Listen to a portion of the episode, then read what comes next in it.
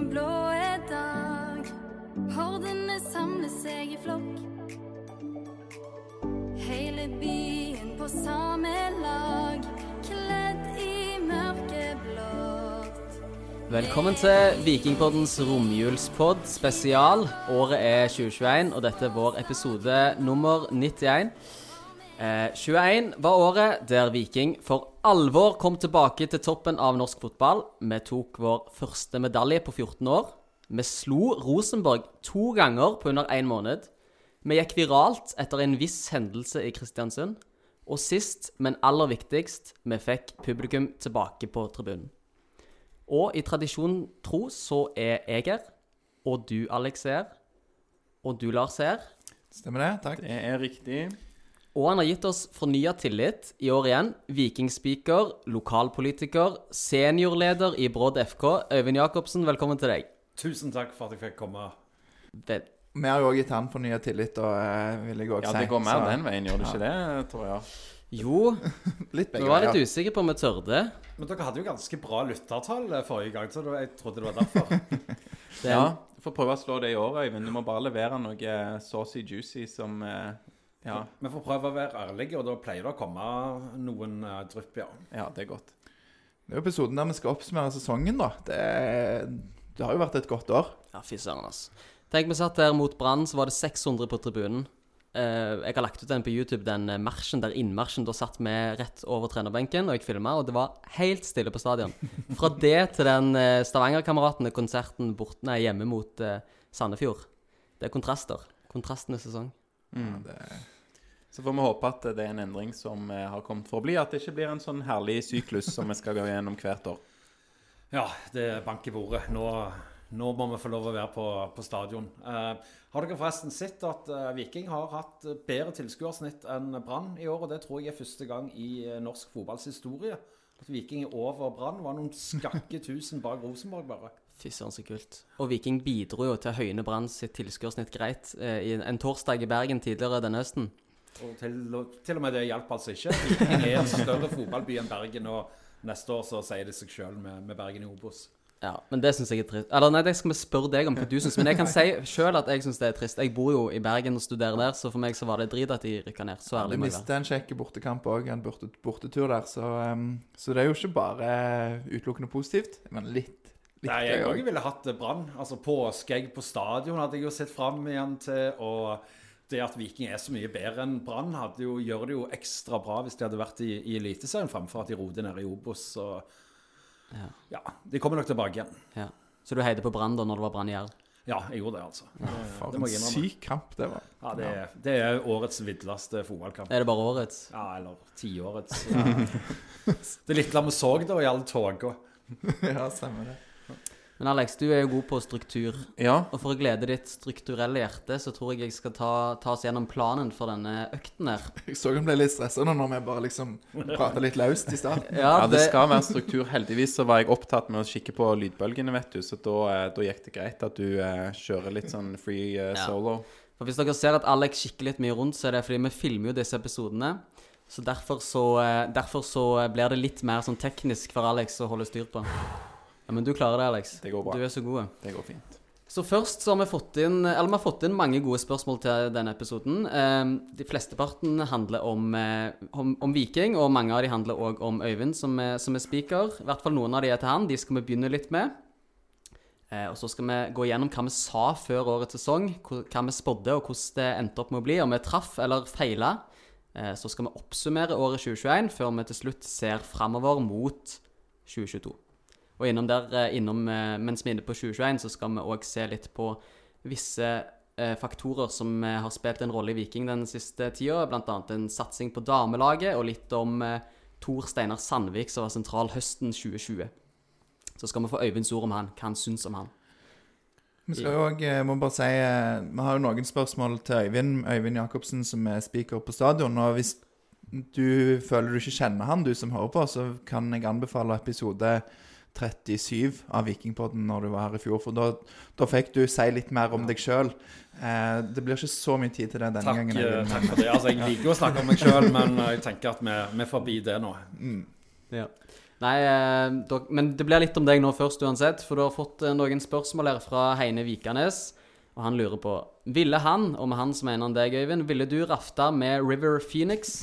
Kjørt bil med Jimmy Carr? Sa jeg navnet feil eller? Nei, River Phoenix og Jimmy Carr. Ja. Ja. bra. Eller bada med Billy Ocean. Du har kun lov til å velge én av dem. Eh, ja. Hva skal du svare på noe sånt? Uh, liker veldig godt Jimmy Carr. Altså. Han syns han har en helt ekstremt frekk, uh, bra humor. Eh, men eh, jeg tar meg en badetur med Billy Ocean jeg, og mimrer litt om uh, den store slageren hans eh, Hva det den het? 'Get Into My Car', eller noe sånt? Og, altså, jeg er så Dette er ikke mitt Har du ikke gjort research til episoden? Dessverre, Alex. 'Get Into My Heart', eller et eller annet sånt. 'Life', eller Ja. Kan- Eh, Lars sang bra spørsmål, altså, men jeg har ikke noen sterke preferanser på noen av de. Nei. Kanskje noen av dere har. Nei, eh, det virker jo gøy å kjøre litt bil med Jimmy Carr. Det, det må jeg si. Prate litt om eh, ja. Og så Jan Godfrey, han har stilt mange spørsmål til denne episoden. Eh, og du, ja, du nevnte jo litt dette i sted. Du syns det var trist at Brann rykka ned. Du var, ja. Ja. Det kan vi innrømme, selv om vi er siddiser. Men eh, Geir Søndeland, som var med oss i eh, Tromsø på Vikingpoddens episode der, han lurer på hvordan vurderer Jacobsen sin egen innsats som sportsjournalist på skalaen fra stabilt til klarert? Ja, Stabilt og klarert. Det var sånn uttrykk vi hadde i, i Rogalands Avis der jeg jobbet i, i mange år. Ehm, jeg syns jeg var en god eh, sportsjournalist. Jeg var jo eh, sikkert ikke mest populære hos de jeg skrev om. Eh, men jeg følte jeg skrev mye bra. Jeg var vel litt kritisk anlagt. Det var jo sånn at det hang på pissoaret på Vikingstadion, altså på SR Bank Arena, så hang det bilde av meg. og 'ikke snakk med denne fyren'. Så, og jeg tror også jeg har blitt boikotta som journalist av alle vikingtrenere utenom Kjelling Olsen. Han rakk det ikke, for han var så, så kort innom. Så eh, eh, jeg følte jeg gjorde en bra jobb. Jeg, det, det trengs litt kritisk eh, journalistikk òg. Eh, eh, det er veldig mye heiajournalistikk, og det trengs det òg. Eh, fotball er følelser, på, på godt og vondt. Himmel og helvete, hvitt og svart. Eh, men eh, jeg gir meg vel mer eh, klarert enn Hva var det? Klarert Stabilt. og stabilt? Ja. ja, det var ikke så stabilt, sa du. Nei. Så, men klarert var det titt og ofte. Ja. Hva ligger liksom i dette, da? Var det, du, du sa dere brukte det i æra, men var det Vi hadde variant, klarert, stabilt. vårt eget språk som sportsjournalister hadde, fullt av uttrykk som etter hvert satte seg i det vanlige språk, holdt jeg på å si, hos, hos mange òg. Men vi var veldig høye på oss sjøl. Ja. Det er for øvrig òg en eh, god eh, historie i den nevnte episode 37 om um, Benny Lennartson og deg, og han eh, noe du skrev om, så det kan jeg igjen anbefale. Men du som gammel journalist, hva syns du om dagens journalister, Rogalandsavis, Stavanger Aftenblad? Er de, er de kritiske, eller er de for heia, heia Viking? Nei, jeg eh, syns jo at uh, både duoen i Aftenbladet og Espen Iversen i, i Rogalandsavis er dyktige journalister. Uh, de, uh, de skriver om Våger både å være kritiske, men, men òg veldig på, på heiasporet når, når det eh, trengs. Eh, og så er det jo en situasjon hvor det ikke har vært grunn til å være så kritisk på, mot Viking, men det er jo ikke mer enn et år siden, eller sist vi satt her, at Stig Nilsen var i full gang med Bjarne Berntsen saker og det ene og det andre. Og Espen Iversen og Rogalands Avis har, så har også hatt mye. Så vi er, vi er gode journalister. eh, Og så er det jo alltid sånn at vi som tidligere har vært journalister, mener at alt var bedre før og sånn, men det er nok ikke det. Nei, det er veldig gøy å ha, for de gjør jo en god jobb med å lage stoff om, om Viking. Og, og det er veldig, veldig kjekt for oss eh, å følge, følge med på. Så jeg syns i hvert fall de gjør en god Ja, jobb. du har jo Rogalandsavis òg, det har ikke jeg, det må jeg erkjenne. Så du sender jo ofte klipp til meg eh, som der det printscreener Nå, eh, nå, nå røper. Ja, jeg. Beklager. Kan du si tipset på Rogalandsavis da er jo å ta disse introduksjonstilbudene, for jeg vet ikke om det står at det ikke skal gå an å ta de mange ganger, men det går definitivt an. Og det er verdt liksom fem kroner for tre måneder og sånn. Så jeg vil anbefale deg å signe opp for introtilbud, Ja. og så kansellerer du bare med en gang, og når du går ut, så får du et nytt introtilbud. Jeg syns jo det er verdt uh, å betale, betale for det. Du er grei. Du er raus, Ja. Lars. Eh, ja, noen av oss har studentmentaliteten litt fortsatt, så ja. Nei, jeg støtter Rogalands Avis og Aftenbladet. De uh, produserer bra ting. Ja da, og i tillegg så kommer jo, kommer jo dere, da, men det, det er jo viktig òg med det frie, uavhengige presset, selv om eh, vi av og til òg føler gjerne at dere er ganske frie og uavhengige når vi f.eks. leser børsene deres. Ja. Ja da. Nei, vi, vi ble vel kalt uh, wannabe-journalister på et tidspunkt uh, i fjor, så jeg ville ikke kalt oss journalister, Øyvind. Det ja, jeg vet ikke. Jeg syns jo mange av de spørsmålene dere stiller til spillerne etter kampen, er bedre enn de spørsmålene jeg stilte etter kamper, i alle fall. Så Takk Kanskje for vi burde få lønn, Alex? Ja, jeg, eh, vi, Vi vi prøver jo. med det. Eh, Nå har jo eh, damene i Viking fått Hva er det de kaller det? Minstelønn, eller hva var det begrepet? Husker ikke. Men Nei, det er jo sånn proffkontrakter, så må du ha en viss minstelønn for Ja. å kalle de proff. og den ligger vel på ja, rundt 5000 kroner i måneden. Så enn så lenge så er vi bare wannabe-journalister og har ikke denne da, eh, minstelønnen for å kunne kalle oss proffe. Ja, så det er greit å være eh, fri og uavhengig, som, ja, Det som renner vel inn litt sponsorer etter hvert her, tenker jeg. Ja, det gjør det. Når produktet er så bra. Så, ja. Men, Skal vi videre og snakke om noe annet enn oss ja, sjøl? ja, det kan vi gjøre. eh, Eller nei, det skal vi ikke helt ennå, faktisk. vi skal snakke litt mer om oss sjøl, og denne bolken skal du ta, Lars. For du eh, går gjennom hva vi spådde før årets sesong. Noen var gode, Ja. noen var ikke fullt Eller alle er jo på en måte inne på noe, da. Eh, ja. Jeg, jeg lurer på om jeg vil eh, begynne med Alexander. Jeg. Hva var det du eh, tippa Viking eh, på? ja, mitt eh, tabelltips eh, før sesongen var jo Viking på førsteplass. Ja. Jeg bomma jo med seks poeng og noe plussmål. Um, jeg tar sjølkritikk på at jeg ikke så de defensive problemene som Viking hadde første halvdel av sesongen. Det var jo helt ekstremt. å komme og gi meg den. Ja, det, du, du holdt på jeg håper veldig lenge. Jeg husker etter, etter vi spilte mot Bodø-Glimt borte, annet, så var du eh, fortsatt troen på at det ble førsteplass. Ja, men det eh, var, var veldig nære i år. Eh, men det var, vi ble vi ødela av den eh, dårlige starten og alle de innslupne målene. Må jo, altså, hvis du kaster, spiller fotballkamper som å kaste terning, så holder du nullen noen kamper, men det evner ikke Viking første halvdel av sesongen. Stemmer. Det var en, en ganske vill rekke der. og um, Apropos heia-journalistikk. Men uh, meg og Torjer vi var ganske samstemte om at Viking skulle havne på. Vi tippte fjerde, Ja. men jeg må ha- ta én ting med Alex. Jeg ser på tabelltipset ditt før sesongen. nå. Du har Viking på første, Bodø-Glimt på andre, Molde på tredje og Rosenborg på fjerde. Så det er jo ganske bra, vil jeg si. Du treffer godt på de første tre, i hvert fall. Ja, takk for det. Men på femte, husker du hvem du hadde der? Er det Tromsø? Ja. Hva skjer der? Hvorfor har du Tromsø på femte? Jeg husker ikke, men det kan jo være at jeg bygde det opp fra, fra bånden mot topp, og så kommer du mot toppen, og så er det sånn «Oi, lag, steik, bare?» hvor er det Jeg Tromsø? glemt. Ja, Ja. de, ja, ja, de kan jo ha en god Men de hadde jo en grei sesong. De, de løfta seg veldig, altså. Det var jo bare et uh, vikingtap i siste serierunde unna å få en fin niendeplass, var det ikke det? Jo, men altså, de åpna jo De kom jo til stadion og Ja. rundspilte Viking. Ja, sånn. uh, så da trodde jeg òg på Tromsø. Jeg tror jeg òg tipper Tromsø på en femte-sjetteplass. Jeg prøvde å finne eh, tabelltipset ditt, Eivind, men jeg Jeg klarte holder ikke på å lete etter det sjøl her nå. Jeg tror jeg eh, Du tippa Viking langt nede, Ja, ja, jeg hadde ikke noe spesielt tro på, på Viking. Men du hadde tro på eh, Bjarte og Morten? Ja, jeg hadde tro på at de skulle klare å utvikle uh, spillet til Viking. Og jeg hadde tro på uh, at de skulle nærme seg uh, Bodø-Glimt og, og, og Molde. Så hadde ikke jeg trodd at de skulle nærme seg så mye, og at de skulle passere både Rosenborg og, og Vålerenga. Men, men det framstår jo som en meget klok avgjørelse fra daværende Vikingstyre å framskynde den prosessen med at de skulle få sjansen. Viking har utvikla spillestilen sin. Viking har nærma seg Bodø-Glimt og, og Molde. Og for eh, meg så er det Jeg har lagt merke til nesten i hver kamp, i pauseintervjuer og etter, inter, etter kampen fra motstanderlagene, så sier nesten alle at vi møter tross alt et veldig godt lag. Altså de de møter. Eh, og du ser i kampene at Viking styrer nesten alle kamper, med unntak gjerne av bortekampen mot Bodø-Glimt. De reiste til Molde og spilte fotball mot Molde. Uh, så Viking har satt tatt enorme steg med, med de to. Hjemmekampen mot Bodø-Glimt var kanskje den svakeste i år, faktisk. Ja, men bortekampen, da lå de liksom i en 6-4-0 Ja. og, og bare tok imot og tok imot.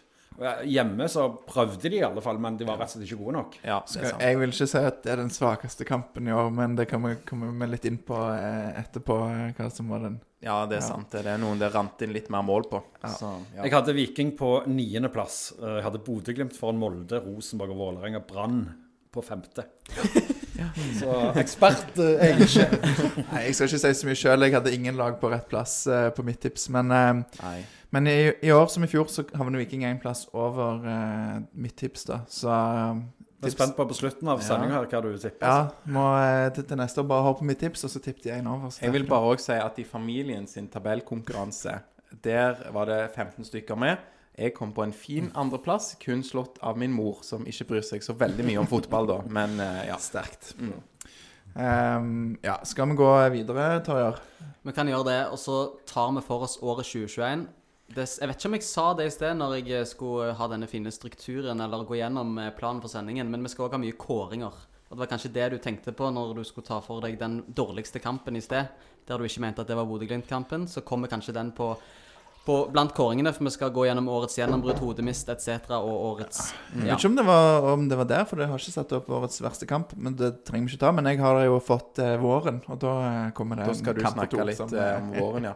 Men jeg skal jo snart snakke litt om det som skjedde før Unnskyld. Før eh, vi kjørte i gang med sesongen. Eh, blant annet eh, spillerne som kom ut og inn og, og gjør, på en måte, gjør opp et regnskap der.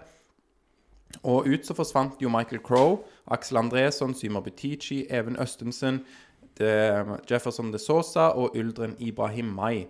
Jeg kan jo spørre litt åpent til dere tre som er med meg her. da. Er det noen av disse dere savner spesielt? Øyvind.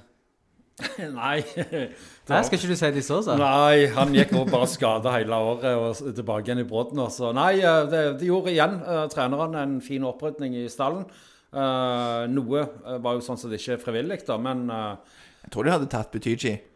Jeg tror Før nok de hadde sesongen. beholdt uh, altså, Før sesongen hadde de nok sluppet han, men etter den sesongen han leverte i 2020, så ville de nok beholdt han. Ja. Uh, og sikkert òg Uldren. Mm. Uh, men igjen, det har jo åpna for at andre har blomstra.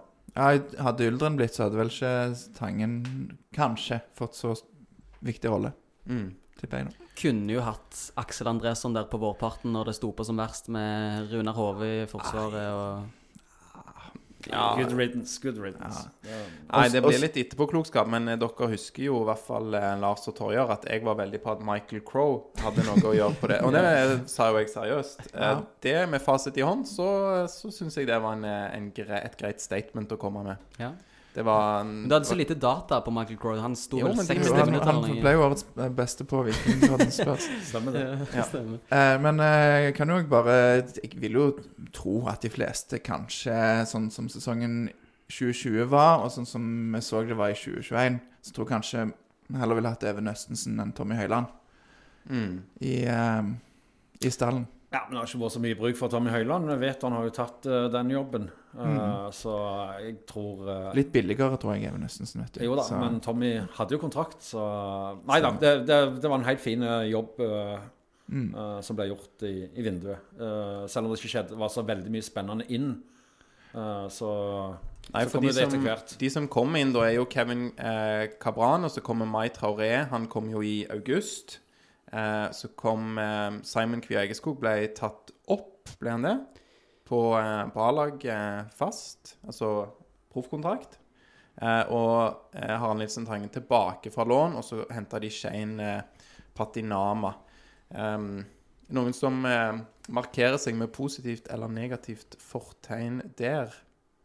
Jeg tenker jo i hvert fall Kabran kanskje litt sånn Har underprestert litt og en liten sånn hakkestubbe, men han har fått noen mål og målpoeng. Ja, jeg vet ikke om du vil begynne, Eivind. Ja, altså, Kevin Cabran har ni målpoeng. Eh, det, er ikke, det er ikke katastrofe. Det er ikke helt eh, der oppe heller.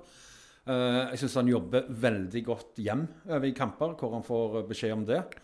Men det er liksom noe uforløst, det er vel et snilt ord for uh, i viktige situasjoner. Eh, jeg føler liksom ikke at han løfter laget og løfter lagkameratene. Han løfter ikke spiriten. Men han, han er en ærlig fyr som jobber hardt hjem, og som som sagt altså har bidratt med ni målpoeng. Jeg syns òg ofte han er mye Altså han er involvert i nærheten av mål. Altså Han går på løp som åpner rom. Han har hatt en del Jeg så eh, gjennom ganske mange av eh, oppsummeringene med høydepunkt, og han, han er ofte den legger liksom en tredje siste ball, på en måte. Så jeg syns at han får litt ufortjent mye tyn, eh, selv om eh, Altså det som du sier, det der at det ser litt giddaløst ut, kanskje, og, og, em, og det uforløste som du snakker om. Så em, ja, jeg vet ikke. Noen vil bli kvitt han. Jeg tror ikke at Morten og Bjarte tenker at han skal ut. Jeg tenker at de har henta han for at de i konkurranse med mange andre klubber for at de så et eller annet der, og så ser de at de ikke har fått det ut, tipper jeg.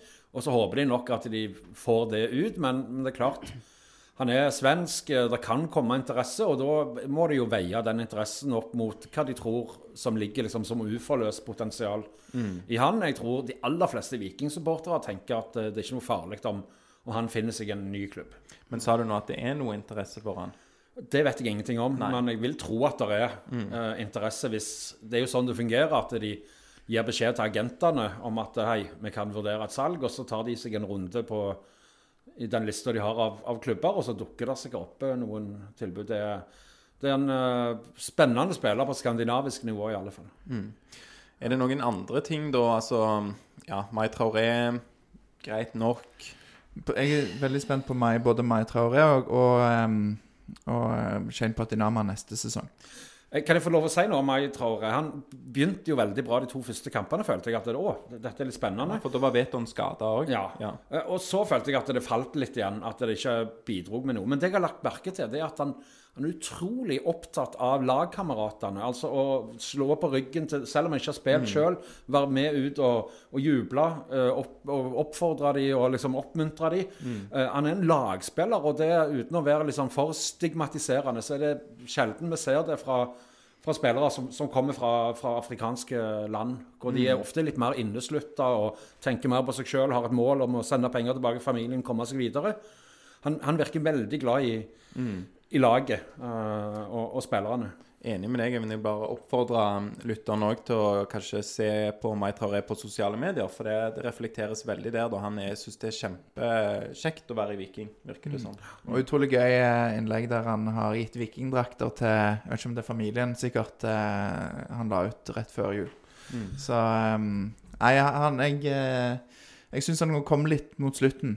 Altså, Han hadde skaffa en straffe der, og han var Altså Ikke at han er på det nivået som jeg forventer at han skal være, men at han tok noen steg i løpet av året. Nå får han en sesongoppkjøring. Jeg tror, eh, jeg tror det kan bli bra. Jeg, jeg tror at det er sånne spillere uh, Bjarte og Morten leter etter. Altså spillere som er der med hud og hår for laget. Uh, og så må de selvfølgelig òg levere kvali kvalitet på, på banen. og nå får vi se, Denne oppkjøringen er jo ganske viktig for han om, om han klarer det steget fra svensk nivå to og tre. Så tror jeg vi skal snakke enda mer om, eh, om årets gjennombrudd eh, i kåringen eh, som du har forberedt, Torjer. Jeg kan jo bare nevne med Shane Patinama at jeg syns jo vi har fått mye ut av han, selv om han har vist sine svakheter òg. Har i hvert fall vært bra å ha som innbytter, kan vi vel være enige om. Absolutt. Jeg kan bare nevne og kjapt at Michael Crow fikk to kamper for Randesund i fjerdedivisjon i 2021, så han har trappa litt ned. Um, er det et norsk lag? Ja da, ja, Ja. ja. Han er norsk, Michael Crowe. Ja, men Randesund var ukjent. I. Agder. ja, ja det er Sørlandet, ja. Ja. Ehm, jeg eh, jeg eh, ferierer jo mer opp i eh, gamle Hordaland, jeg, så jeg er ikke så mye nær på Sørlandet. Um, ja, vi skal, skal komme oss til, til sesongstart og de, de kampene som var da, men det er jo en del ting som, som skjer her, da. Altså det, vi nevnte jo dette med Beate Morten inn, Berntsen ut. Kanskje vi ikke skal bruke for mye tid på det. Har vært diskutert mange ganger. Så blir jo Viking anmeldt av FN, eh, FNN, ja, nei, NFF etter de sparka Bjarne Berntsen. Eh, Stig Kristiansen gjør comeback som styreleder. Og så eh, blir det jo seriestart, trodde vi. Men den ble utsatt mange ganger. Og før vi kom i gang der, så skjedde det noe med Slatko Tripic, Lars. Stemmer det. Det var jo eh, Det ble jo på en måte mer og mer eh, etter hvert som det nærmer seg sesongstart, og den ble utsatt og Den ble jo utsatt så lenge at den var liksom helt i slutten av sesongen i Tyrkia. Det ble mer og mer åpen åpning, virka det som, for at Slatko Tripic kunne vende hjem. Eh, og der gjorde jo Aftenbladet et eh, eh, Sensasjonelt eh, Nei, eksepsjonelt, spesielt dekning av dette, da. Men de hadde jo minutt for minutt på, eh, på den eh, dagen der, han, der det kunne skje, og så skjedde det faktisk. Det ble bekrefta. Han kom med fly noen dager etterpå. Eh, folk møtte opp med bluss, og det var Jeg vet ikke, jeg hadde sjelden sett noe sånn så stort oppstuss rundt en spiller som kommer til Viking, da. Nei. Så eh, det var jo utrolig gøy. Han ble jo mottatt som en frelser, nærmest. Og han var jo det når han var i Viking sist, og fikk en eh, spesiell mottakelse. Ja, det var jo han som hadde det liksom siste sparket, selv om det ikke var det siste sparket. Altså han som skårte på i cupfinalen. Når, eh, når vi trodde liksom at nå var Viking tilbake i toppen av norsk fotball. Nå skulle vi være 16 000 hver eneste kamp og heie fram Slatko. Og så, så dro Slatko, og så ble det en sesong med mye tomme tribuner og litt sånn midt på tabellen. Og så kom han tilbake, så er det jo klart at folk var euforiske. Og det er jo et, et signal, da, å få, eh, få han hjem, holdt på å si. Det er jo Nei, det, det har jo òg vært en viktig spiller, selv om han kanskje ikke har vært på en måte så sentral. Eller Det må, det må være rart for han òg å komme tilbake til det vikinglaget i 2021 kontra det han forlot i 2019. For det har, vært, det har kommet inn typer der på veien som har tatt enorme, enorme tak i det laget. Joe Bell og Veton, så han får en helt annen rolle nå enn han hadde når han, når han forlot. Så det må være spesielt for han òg å finne sin plass i gruppen, men jeg syns han har gjort det fint. Jeg, jeg, jeg, jeg syns han er en helt fantastisk fyr. Og du ser at eh, han, han byr sånn på seg uh, sjøl. han eh, bryr seg om folka i klubben. Uh, han er rett og slett en sånn spiller som du ønsker å ha i et lag i en eh, klubb. Så at han fikk en lang kontrakt, selv om han er opp, litt oppe i åra, det, det tror jeg Viking kommer til å tjene på uansett hva han presterer på, på banen. og han har vært med i Eurosport-studio, eller TV 2 sitt studio, jeg er ikke helt uh, sikker. Han har tillatt eh, Discovery å komme hjem på en sånn uh, Lift, ja, lift, eh, og han er en veldig fin fyr. Og så har han på banen òg en stor innvirkning, mener jeg, selv om han bare sånn sett har ett målpoeng mer enn Kevin Cabran. Så, så er det en tilstedeværelse der som alle motstandere, når Viking kommer med sin topp tre, altså front tre, med Slatko som en av de, så må de ta hensyn til, til alle. Møtte Slatko og Veton der. Det er ikke eh, en drøm for forsvarerne. Nei, og så er det litt som, eh, ja, som dere alle er inne på, men kanskje spesielt du, Torjer, dette med, med hvem man har, man har i tillegg til Slatko. For man har han som signalspiller, og så og Veton og, og Joe Bell, og så håper vi jo da at vi ikke mister Joe Bell. Men det, disse nøkkelspillerne kobla sammen med sportslig suksess, da ser man jo òg Da vil vi jo se at det er lettere å tiltrekke seg flere, både norske spillere eh, og spillere fra utlandet. Ehm, det er Og kanskje spesielt i Norge, da, de som kjenner Slatko og Veton og vet hva de står for. Slatko og jeg hadde jo en liten feide, eh, fordi at han tok jo drakt nummer 77. Og jeg er jo en sånn grusom konservativ fyr som Ja, det var jo sånn Jeg, jeg liker jo liksom 1 til 11, jeg. Eh, og så liksom, hvis du er 27 i troppen, så skal det være ingen, ingen med over 27. Du er glad i Burnley, du, da? Nei, det er jeg ikke, men Han eh, spiller med farga sko òg, Eivind. Ja, jo da, det går fint. Men det er et eller annet jeg har eh, Noe skrudde greier jeg har på de draktnummer. Eh, så jeg hadde jo egentlig bestemt meg da for å ikke si nummeret til Slatko, bare liksom si Slatko Tripic. Men du kan ikke gjøre det mot en spiller som, som Slatko. Men hvis det er en, en annen sånn jypling som hadde tatt et sånn et nummer, så vet jeg ikke hva jeg hadde gjort. Hva tenkte du om eh, Jone Samuelsen nummer Nei, helt forferdelig, altså. Helt forferdelig. Men Slatko, det ble jo en sånn merkevaregreie, nesten sånn. Num 77, og det ble jo brygga noe øl, og eh, det er liksom hashtag 77, og det er jo litt Altså, noen få kan gjøre sånn, og i Stavanger så, så kan Slatko, men ingen andre gjør sånn. Og han som vi vi nevnte med disse spillerne, det var jo en, en, en rekke med kamper på høsten der som jeg tror midtstopperne i Eliteserien òg så at oi, nå kommer Slatko og Veton. Jeg tror jeg pådrar meg en karantene eller skade, for det var liksom kamp etter kamp at en midtstopper eller to ble suspendert eller ble skada, så ikke fikk møtt Viking. Så um, jeg, tror, jeg tror det var flere som kjente på det. Men vi er jo egentlig kommet til sesongstart. Det blir en, um, en veldig god sesongstart. Første kampen mot Brann. Eh, utrolig bra kamp. Vi visste jo ikke hvor dårlig Brann var. Nei, jeg sa det vel i poden, men husk på at nå har vi vunnet mot Brann. Vi får se hvordan det går når vi møter et godt lag. Eh, og det gjorde vi i kamp nummer to. mm. Hvem var det vi hadde i kamp nummer to? Ja, det var Rosenborg på Lerkendal, og på det tidspunktet så var de ganske gode. De vant 5-0. Ja, men, men hør nå. Tull og tøys. Uh, Viking var god i den kampen der. Uh, det var, Mot Rosenborg? Uh, ja, de var, Det var veldig gode. som var Første omgang så er Viking det beste laget på Lerkendal. eh, Så har Rosenborg marginer med.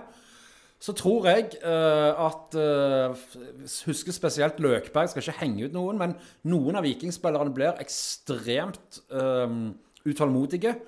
uh, og, og løyper ut av posisjoner og ut av presset. Og så åpnes det fullstendig. Men I den kampen så var jeg veldig positiv til det spillet Viking hadde faktisk Jeg syns ikke de var så gode mot Brann hjemme, selv om de vant 3-1 vel der. Eh, For det var en mer jevne, Eller det var sånn sett en jevn kamp mot et dårligere lag. Jeg følte Viking gikk ut og spilte fotball mot Rosenborg og bare hadde noen marginer imot, og mista hodet de siste 25. Ja, det, det rant jo inn litt på slutten, og Iven Austbø hadde en, en utrustning der som eh, Ja, den, den er nominert i årets hodemist, men mm. eh, Der er det sterk konkurranse for øvrig. Eh, men men det, ja, det er kanskje som du sier. Og så sitter en igjen med litt sånn 5-0. Altså, er vi der i år igjen? Jo da, det var pinlig. Er ingen tvil om det. Og når det blir fulgt opp med en, et 0-1-tap hjemme mot Tromsø eh, Der òg kanskje Jeg vet ikke, noen mener det òg kvalifiserer til hodemist fra oss med børsen. At vi var, ga for høye karakterer. Eh, Det har jeg fortrengt. Jeg driver Ja. ikke og fokuserer på men. Trom, Tromsø var eh, i god form, da. Ja, men, men da var Viking dårlige, for, for der kom Tromsø som nyopprykka lag og spilte ut Viking. Ja. Uh, skal ikke være for opptatt av spillet uh, og sånn, men det var jo det vi leide etter, mange av oss. liksom Se hvordan kunne Viking utvikle spillet. og Derfor så var jeg positiv etter Rosenborg-kampen, til tross for uh, baklengsa. Men mot Tromsø så fikk troen min seg en liten knekk, for da var det Tromsø Det var som kollektiv spilte- svikt. Ja. I, det var ikke noen som liksom eh, skilte seg ut, sånn som det har vært i noen andre kamper. Um, så ble det en eh, fin eh, to kamper på rad med seier mot eh, Lillestrøm og Mjøndalen. Og så kom jo um, Uff. Tapte 4-2 i Haugesund.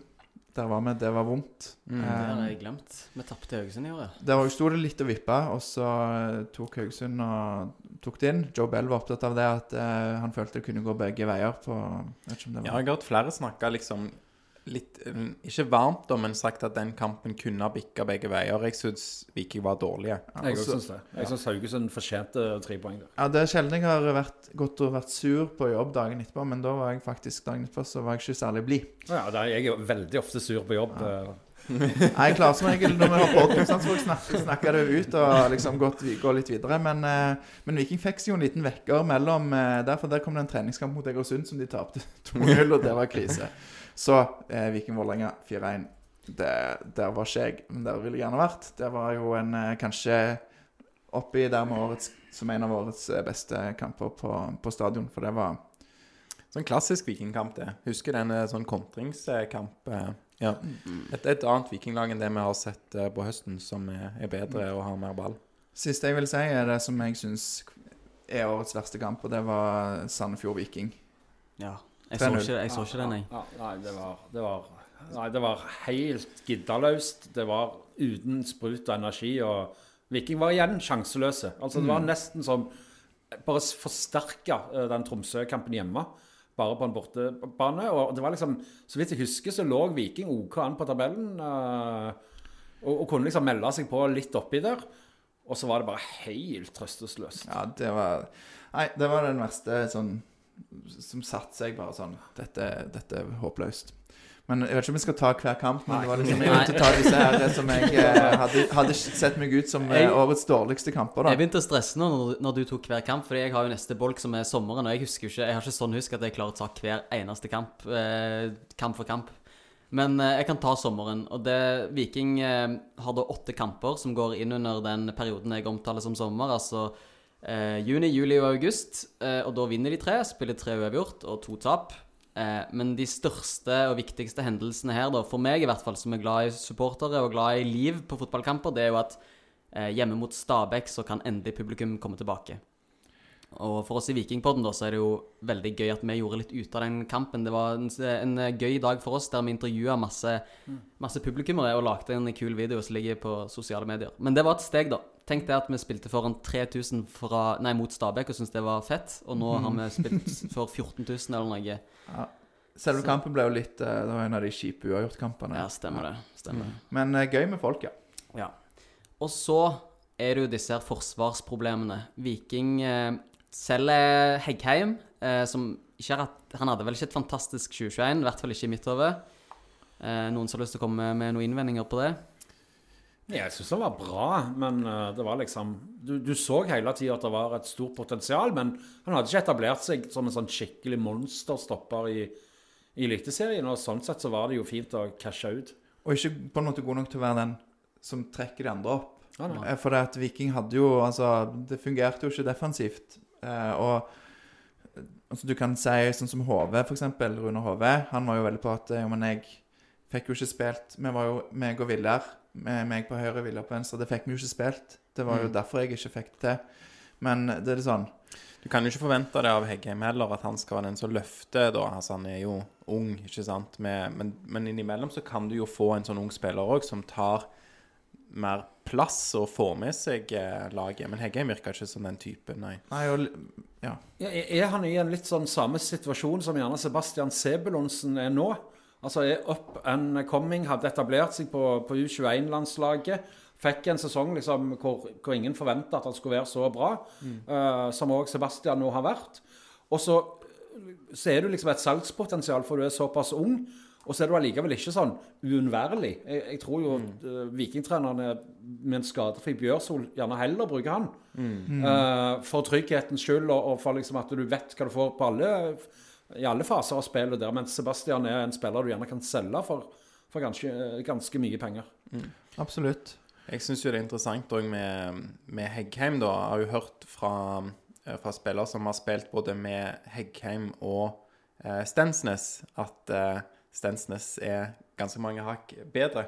Um, Og det òg er jo litt sånn interessant. Og ser man da på det regnskapet og hva, hva Viking har fått på plass, selvfølgelig med både Brekalo og eh, Stensnes, at eh, salget der kanskje var, var Du fikk både inn penger, og du fikk inn trygghet og stabilitet for en billigere penge. Igjen sterk eh, spillerlogistikk eh, for Viking. Ja. Ja, Skal vi snakke om de to stopperne som kom inn der, hvis vi kan gjøre det nå? For det, ja. ja, for det, det er altså to enormt bra signeringer, tror jeg. Eh, de unge begge to. Uh, Brekalo var jo en del skada. Stensnes han spiller jo egentlig ikke stopper, er ikke vant med å gjøre det. Og hvis han tar eierskap til den stopperrollen, eh, liksom tenker at det er stopper jeg har tenkt å bli Jeg vet ikke om han har bestemt seg for det i hodet sjøl ennå.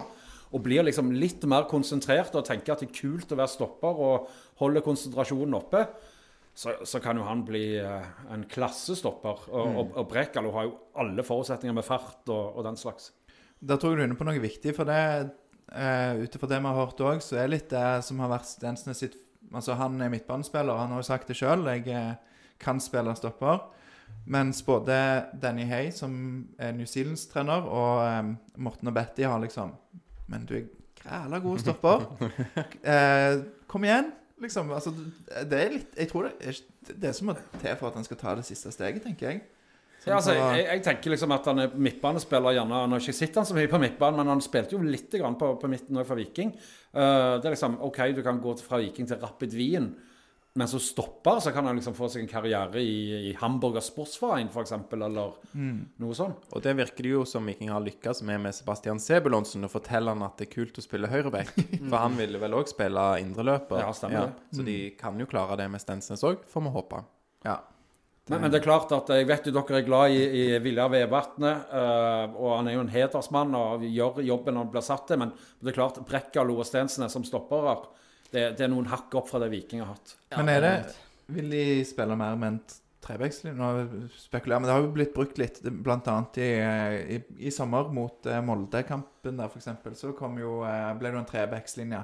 Der er jo eh, Altså Da må de ha Marius Lode tilbake igjen til regionen. Eh, Det er jo min drøm da at de henter han. Uh, at han bestemmer seg for at uh, Jo, men altså, Han har vel ei dame som spiller håndball i Sola og jobber her. og Hvis de bestemmer seg for å ikke ta mm, dollarmillionene eller euromillionene som han, han har jo sikkert 20 tilbud, eh, leste jeg. Men hvis han blir igjen i Norge, så bør jo Viking eh, fiske han hjem. Han er Bossmann-spiller. Ja, det er jo passet perfekt til Viking. Både med typen han er, hvor god han er med ball osv. Farten hans. Han er fra Bryne, da. Jo da, det, gjør ingenting. Det er, det er Tommy Høiland og Karlsbakk òg, holdt jeg på å si. Ja. Det, det hadde jo vært en, en eh, klassesignering, det. Men, mm. men de løste jo disse her defensive utfordringene i stor grad med signeringene de gjorde i sommer med Brekalo, Stensnes og eh, Gunnarsson. Som både med sine prestasjoner, men òg bare at han kom inn og ga konkurranse, tror jeg, til Østbø. At mm. de kampene Østbø fikk etter han kom, eller etter han Etter han kom inn igjen på laget, så Ja. liksom at det ble en litt sånn Så kan jeg jo bare si, jeg tenker med, med Runar eh, Hove virker jo som en utrolig fin fyr, og alltid eh, bra i eh, intervjuer. Du har vel snakka med han sjøl, Lars. Og, Stemmer det? eh, og, og eh, den veldig trist involvering, da. Ja, det var drit at det var han som fikk den. Ja, eh, vi snakker om kvalifiseringskampen for Brann, der det var flere som eh, tar delt skyld på den, med to, eh, to straffer Brann brente i ordinær tid, og så er det Runar Hove da som får rødt kort og lager straffe. Og unner han en god sesong i eh, Obos, eh, og kan være med å spille Brann opp mot toppen av Obos. Ja, han var vel en Brann-supporter som motvillig reiste til, til Bergen fordi at Viking ville uh, selge han. Eh, og, og vi må heller ikke glemme at på vårparten og fram til, til sommeren her så spiller jo Herman Haugen òg en uh, del kamper. Han har vel gjerne mest innhopp. Men, eh, så, så de har oppgradert forsvaret sitt.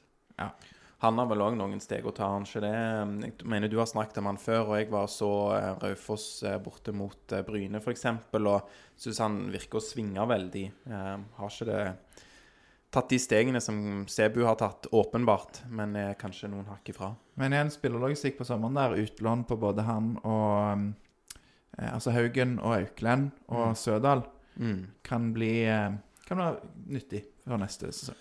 Ja, De får sikkert en sjanse som alle andre nå i, i, i oppkjøringa. Men eh, jeg har sett bitte litt Raufoss. Men eh, jeg, jeg syns det skorter på det defensive på Herman Haugen. At han ikke teller opp i boks og er, er på- bra nok på posisjoneringa bak.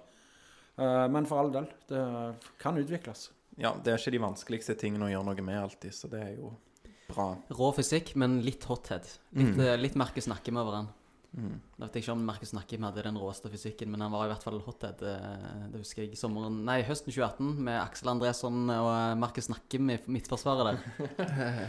Fyttegata, det var tider. Men du Alex, nå har Ja. vi gått gjennom sommeren, våren og før sesongen. Og da mangler vi den kjekkeste tiden av året som vikingsporter, for Viking er alltid gode på høsten.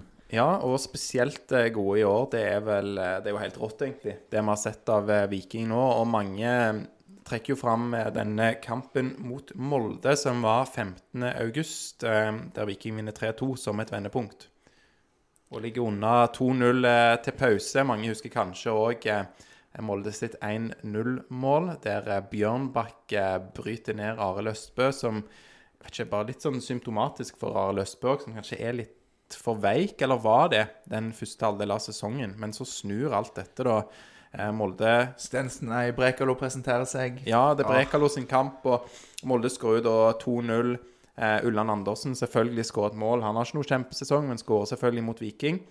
Ehm, ja, 1-2, redusering. Patinama eh, med en av sine mange assists til Kabran, som òg har vært delvis eh, eh, Utskjelt er kanskje et litt sterkt ord, men mye, fått mye kritikk, Kabran. Og så er det straffe til Viking, 2-2. Slatko setter ballen midt i mål, og så kommer da eh, Brekalo og header inn, som du sa, Lars. Eh, Bell med nok en assist. Eh, ja, det er vel kanskje det målet som er Et av de målene fra sesongen som flest lytter lyttere, og som kommer til å bli ja, Det eneste Eller jeg, jeg har vel gjerne mista det før. Jeg mista det gjerne mot uh, Ullkisa i den opprykkskampen fem minutter på overtid. Men når han skårte mot uh, mot Molde Brekalo, da, da mista jeg det helt. Da, jeg, da var det ingen skåringssang og noe sånt. Jeg tror bare jeg sa så, 'Welcome to Stavanger, David Brekalo!' Eller et eller annet sånt. Uh, det er klart, det, det, var, uh, det var sesongdefinerende for, for Viking, den, eh, den kampen der. Både, altså Òg for sånn publikum og liksom opplevelsen på stadion. og Reggen og ja, altså, Å få den helt på slutten der, det er helt vilt deilig, altså. Det er jo kanskje altså, noe av det som eh, Og det har jo treneren sagt sjøl, denne mentaliteten med at de snur kamper, avgjør helt til slutten. Det er jo et spørsmål vi har fått inn fra Bjørn Ravnås. Jeg bare tar det her, jeg, nå. Eh, at eh, hvis det hadde blitt gitt poeng kun basert på første omgang, så hadde Viking blitt nummer 11, sier han. Dette er hans eh, statistikk, så det kan ikke jeg eh, eh, sikre. Men eh, for andre omgang så ville de gitt seriegull. Viking skåret 42 mål i andre omgang og 18 i første omgang. Det er altså De har skåret over dobbelt så mye i, i andre omgang. De har skåret mest i Norge første kvarter etter pause eh, og andre kvarter etter pause. Og de har knapt nok sluppet inn mål siste kvarteret. Du går på statistikk. Er det vikingstatistikk du eh, får Nei, jeg eller? eh, kikker jo litt på Alt om fotball, eh, som er nettsida som var populære for en syv-åtte år siden. Men det er mye bra å hente både der og på NIFS. Så jeg gikk gjennom og kikka litt der, og det, det er altså helt obskurt forskjell på første og andre omgangene til, til Viking. Og de havna jo unna i ja, jeg husker ikke hvor mange kamper. Det var vel ny rekord for hvor mange de klarte å snu. Men, men altså, det, det blir jo en sånn Klarer vi Er det at de ikke er påskrudd? Er det at eh, Hva er det for noe? Det er jo sånn som Klarer vi å ta det steget neste år? Men vi har vel slutta litt med det òg, å måtte snu. Men vi Ja, ja. har gjort det nå når vi må, på Mm. høsten. Um, KBK, f.eks. for eksempel. Ja, når vi må. Det blir mindre og mindre, men får vi håpe. Men så må vi jo bare bevare den evnen. Men det ser ut som at vikingspillerne er godt trent. Jeg eh, ser jo ofte at motstanderne ligger og, og får ut litt kramper. Jeg kan ikke huske at Viking eh, så veldig ofte i alle fall ligger med- Vet han har tatt ut noen. Jo da, men det er jo sånn så avtalt liksom for å, for å spare litt tid. Uh, forstår Kan jeg jeg. bare si, Det syns jeg er veldig dumt at de har gått ut med at det er Det, det syns jeg er tullete. Jo, men Det gjør jo alle lag. Det sa jo Patrick Berg òg når Bodø-Glimt var i Stavanger. Mm. Eh, så var han skada. Da var det en intervjuer fra TV 2, nei, fra Eurosport som spurte han liksom, ja, hvordan går det med skaden. Jeg så de lå nede. Nei, det var bare avtalt. Vi, vi trengte bare litt eh, tid. Og det, det gjør alle lag. Og det vet dommerne men òg. bør Viking si det? Jeg vet ikke. Ja. Åpenhet, vet du. Det, det er en åpen klubb blitt Viking, så eh, Hvis Viking- Dommerne vet at det skjer, men hva skal de gjøre? Når Ja. spillere ligger nede, så, så ligger han nede. Og det er derfor òg, når Arild Østbø ble skada på, på stadion Unnskyld. Korona. Eh, korona. Eh, så, så satt jo Iven Austbø på benken. Og han, han reiste seg ikke engang. Altså, han gikk ikke til oppvarming engang. Han bare satt der med dongeribuksa på, liksom. Han gjorde ikke det, men ja. Ja, nei, han sa jo det da han var gjest hos oss, at nei, han visste veldig godt at eh, dette, var, dette gikk fint. Men eh, nei, Men, det, men, men det er altså oppsiktsvekkende at de er så mye bedre i andre omgang. Og enten så er det fordi at de er veldig godt trent, eller så er det fordi at de har eh, gode trenere i pausepraten og klarer å justere ting. Ellers er det ren og skjær tilfeldighet. tilfeldighet. kombinasjon av flere ting, sikkert, som det meste er.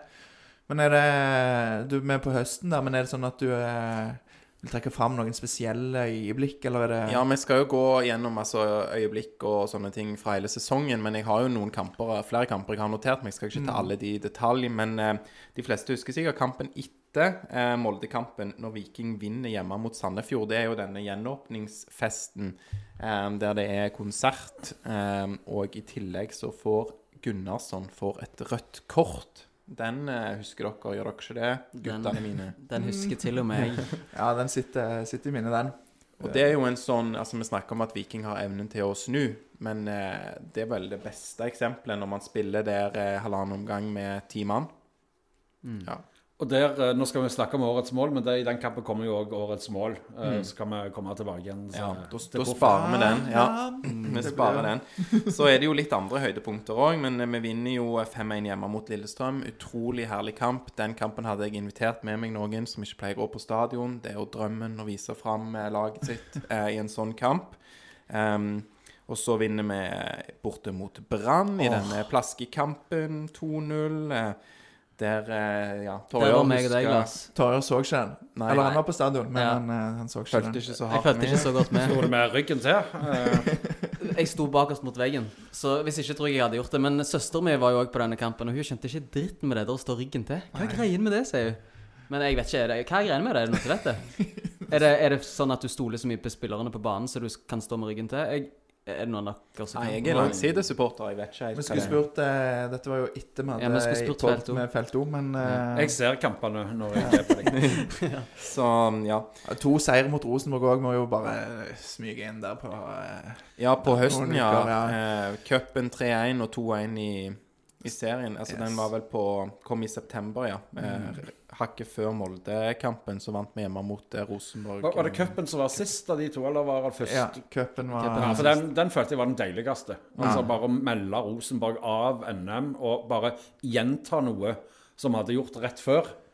Bare for å liksom vise at eh, Ja, Det var jo veldig gøy òg. Vi gjorde jo en episode med en podkast fra Trondheim der. Den ble jo litt eh, Det var jo veldig populært. Eh, Men jeg syns det ble en interessant episode, og det som var litt gøy, da var jo at eh, de sa jo sånn Ja, jeg lar eh, Viking vinne den eh, kampen her, og så er det like mye eh, må Viking-supporter som RBK på søndagen etterpå, når Viking spilte mot Molde. Ja. Fordi Rosenborg skulle jo ta Molde på å vinne Eliteserien. Ja. Men eh, jeg tror det var verst for oss at vi ikke ta, vant den kampen mot Molde, egentlig. Så eh, det var veldig Men det, det må jo være greit òg for oss som podkast å ha lage podkast med svakere stilte lag sine supportere. Det var raust av dere. Ja, var det ikke det? Det er jo hyggelig, det. Nei, ja, ja. Så det er veldig trivelig òg, for øvrig, eh, disse. Nei, men det var jo en, en helt eh, nydelig eh, høst, og vi var Vi snudde jo Eller vi, vi lå lenge og stanga mot Mjøndalen. Den mest ensidige kampen, Ja. kan vi si det, Viking har spilt i år. Um, Ja, og der eh, har man jo litt flaks da med at uh, Mjøndalen brenner straffe, og Viking får uh, straffespark som kanskje Jo, til og med nei, dere den- kan mene nei, var nei, litt nei, nei, nei, nei, eh, nei, nei. nei, det var ikke det, men det var, det var noen kameravinkler der. An analysert den eh, nøye, faktisk. Ja. Nei, men det var jo òg en sånn Altså, den flyten Viking hadde på høsten i år Altså, Mm. det Gode lag eh, Har flyt. Ja, gode lag gjør seg fortjent til flyt eller flaks, eller hva det er som de pleier å si. Mm. Eh, men, eh, men både der og at eh, en del stoppere sånn, fikk karantene og sånn liksom Alt gikk Viking sin vei, bortsett fra da ett tap. Den høsten var bare ett tap. Eh, Ja, og, og, og Viking har vært gode, selv om de har måttet bytte folk. Slatko har blitt skada, folk har vært suspendert. Heldigvis har ikke Joe Bell blitt suspendert i, i høst. Fikk aldri det sjette kortet eller noe Ja, sånt. det var, han var sykt fornøyd med det når vi, Ja. etter den siste hjemmekampen. Bare Du, jeg fikk- jeg ble jo ikke suspendert. Det, det var jo Men, men det har hatt en stor bredde, da. Altså Viking, Jeg tror det er 24 forskjellige spillere som har starta kamper for uh, Viking. Og Viking har brukt byttene veldig. Eh, så kanskje det er litt av grunnen til at Viking har plukket så mye poeng og så mye mål i andre omganger. At eh, de som kommer inn, er faktisk spillere som kan bidra til å snu kampbildene. Patinama som er kanskje fremste eksempelet på akkurat det. da Mm. Det, Han er den mest benytta innbytteren til Viking òg. 17 innhopp, så vidt jeg husker. Så var vi jo innom denne kampen eh, borte mot Kristiansund. Den kommer vi litt eh, tilbake til. Eh, der det blir et rødt kort på, på slutten til David Brekalo. Og vi klarer å snu Sondre Bjørsvold sitt første mål for Viking på A-lagsnivå. Stemmer ikke det? Jo. Jo, jo. Det, det var det. Og så kulminerer jo hele høsten da med denne borteturen til, til Tromsø, der Viking vinner komfortabelt eh, 2-0. Det, nei, det har vært en eh, utrolig bra sesong med utrolig støtte både på, på hjemme- og bortebane. Det har jo bygd seg opp når man har åpna opp på hjemmebane. Og um, ja, beste Kanskje Eliteseriens beste bortesupporter. Jeg følger ikke så nøye med på de andre, men jeg har sett eh, at eh, andre, andre lagsupportere har sagt det om Viking sine bortesupportere. Så det er jo hyggelig. Det må jo være det, for jeg har ikke sett noen på stadionet i år som har lagd noe særlig med, Nei. med Borg og Leven. Så Stakkars de Odd-supporterne som fikk Frid Jonsson foran seg, eh, de 15 stykkene som hadde reist fra Skien. kjempebra. Apropos årets hodemist. Ja. Det, det, jeg kan bare forskuttere og si at det var min eh, årets hodemist. Eh, Ja, jeg har den på en annen post, men vi kan ta det når vi kommer dit. Er vi der nå? men vi eller? er der nå. Ja, Kåringer. Dette segmentet heter Kåringer. let's go. Da må du lage sånn kul video som Jeg skal, Alex, du fikser det i After Effects, gjør du ikke? Jo da, alt, alt kan løses i post production. Er ikke du, det du pleier å si, jeg Lars? pleier å si. Fiks det i post. Og første kåring det er årets gjennombrudd. Og vi begynner alltid med gjesten. Øyvind, hvem er årets gjennombrudd i Viking for deg? Det er jo én av to. Eh, Det er Sebulonsen eller Harald Nilsen Tangen, selv om vi hadde sett eh, noe av begge. Eh, For meg så er det Selv om Sebu kom inn på U21-landslaget og hadde målgiverne på løpende bånd der, så er det likevel Harald Nilsen Tangen for meg. For det var så mange som hadde avskrevet han og sagt at han ikke var god nok. Og, og han tidvis har herja på midtbanen uh, til Viking. Og, og, og, og herja på midtbanen er, henger litt høyere for meg enn å herje på en, på en bekk. Uh, og, Fordomsfullt. og, han, han kan bli så god som han vil. Det handler om det mentale for han. Eh, ferdigheten har han. Eh, så jeg gleder meg som liten unge til 2022. Så prisen for årets gjennombrudd, Harald Nilsen Tangen. Prisen på Nilsen Tangen ifølge Aftenbladet var jo 8-10 millioner, så eh, Nei, mye mer enn det. Ja, nei, han, det, det er så gøy, for at de har liksom snakket om han, vi fikk høre det før sesongen, at han ser sykt bra ut. Og så er det sånn sånn Ja, men det har vi hørt før. Men så tar han og viser det. Og jeg en, har en kollega på jobb som har sagt det til og med langt ute i sesongen Ja, han er litt for veik. Han er fortsatt litt Men han, til og med han ble vippa over etter hvert, så Ja, han er jo rene Lionel Messi på midtbanen der. Drar seg gjennom ledd. og eh, Nydelig spiller. Det er bra sammenligning. Ja, det er sterk. Ja. Men eh, OK. Jeg låner litt Tangen, Alex? Ja, jeg låner litt av eh, spådommen til Kristoffer Løkberg. Han fikk jo spørsmål om dette fra Jeg mener det var fra Vikingpodden, altså oss. Hvem som ville være årets eh, gjennombrudd i Viking. Og han sa jo Joe Bell. Eh, for man Ja. kan jo argumentere for at han eh, slo ikke ut i full blomst i fjor. Han var, var tidvis eh, god. Men for en sesong. Og altså, han har jo tatt steg som er større enn det de aller fleste vil, eh, ville ha forventa. Hørte du på podkasten i fjor, episode 37? Jeg hørte på vi snakket om han da. Og da eh, Hva var det du sa der, Øyvind? Nei, Da sa jeg at uh, han er der et enormt eh, uforløst potensial i, Mm. og at han Jeg husker ikke ordrekka men jeg forventer at han kommer til å dominere. For Ja. du påpekte han var jo ikke Du trodde ikke at han var fast hvis Berntsen kunne velge fritt blant Ja. hele troppen. Så var ikke Bell på den blokka. Men at uh, de nye trenerne hadde troen på han, og at han kunne passe godt sånn som de nye trenerne ville spille.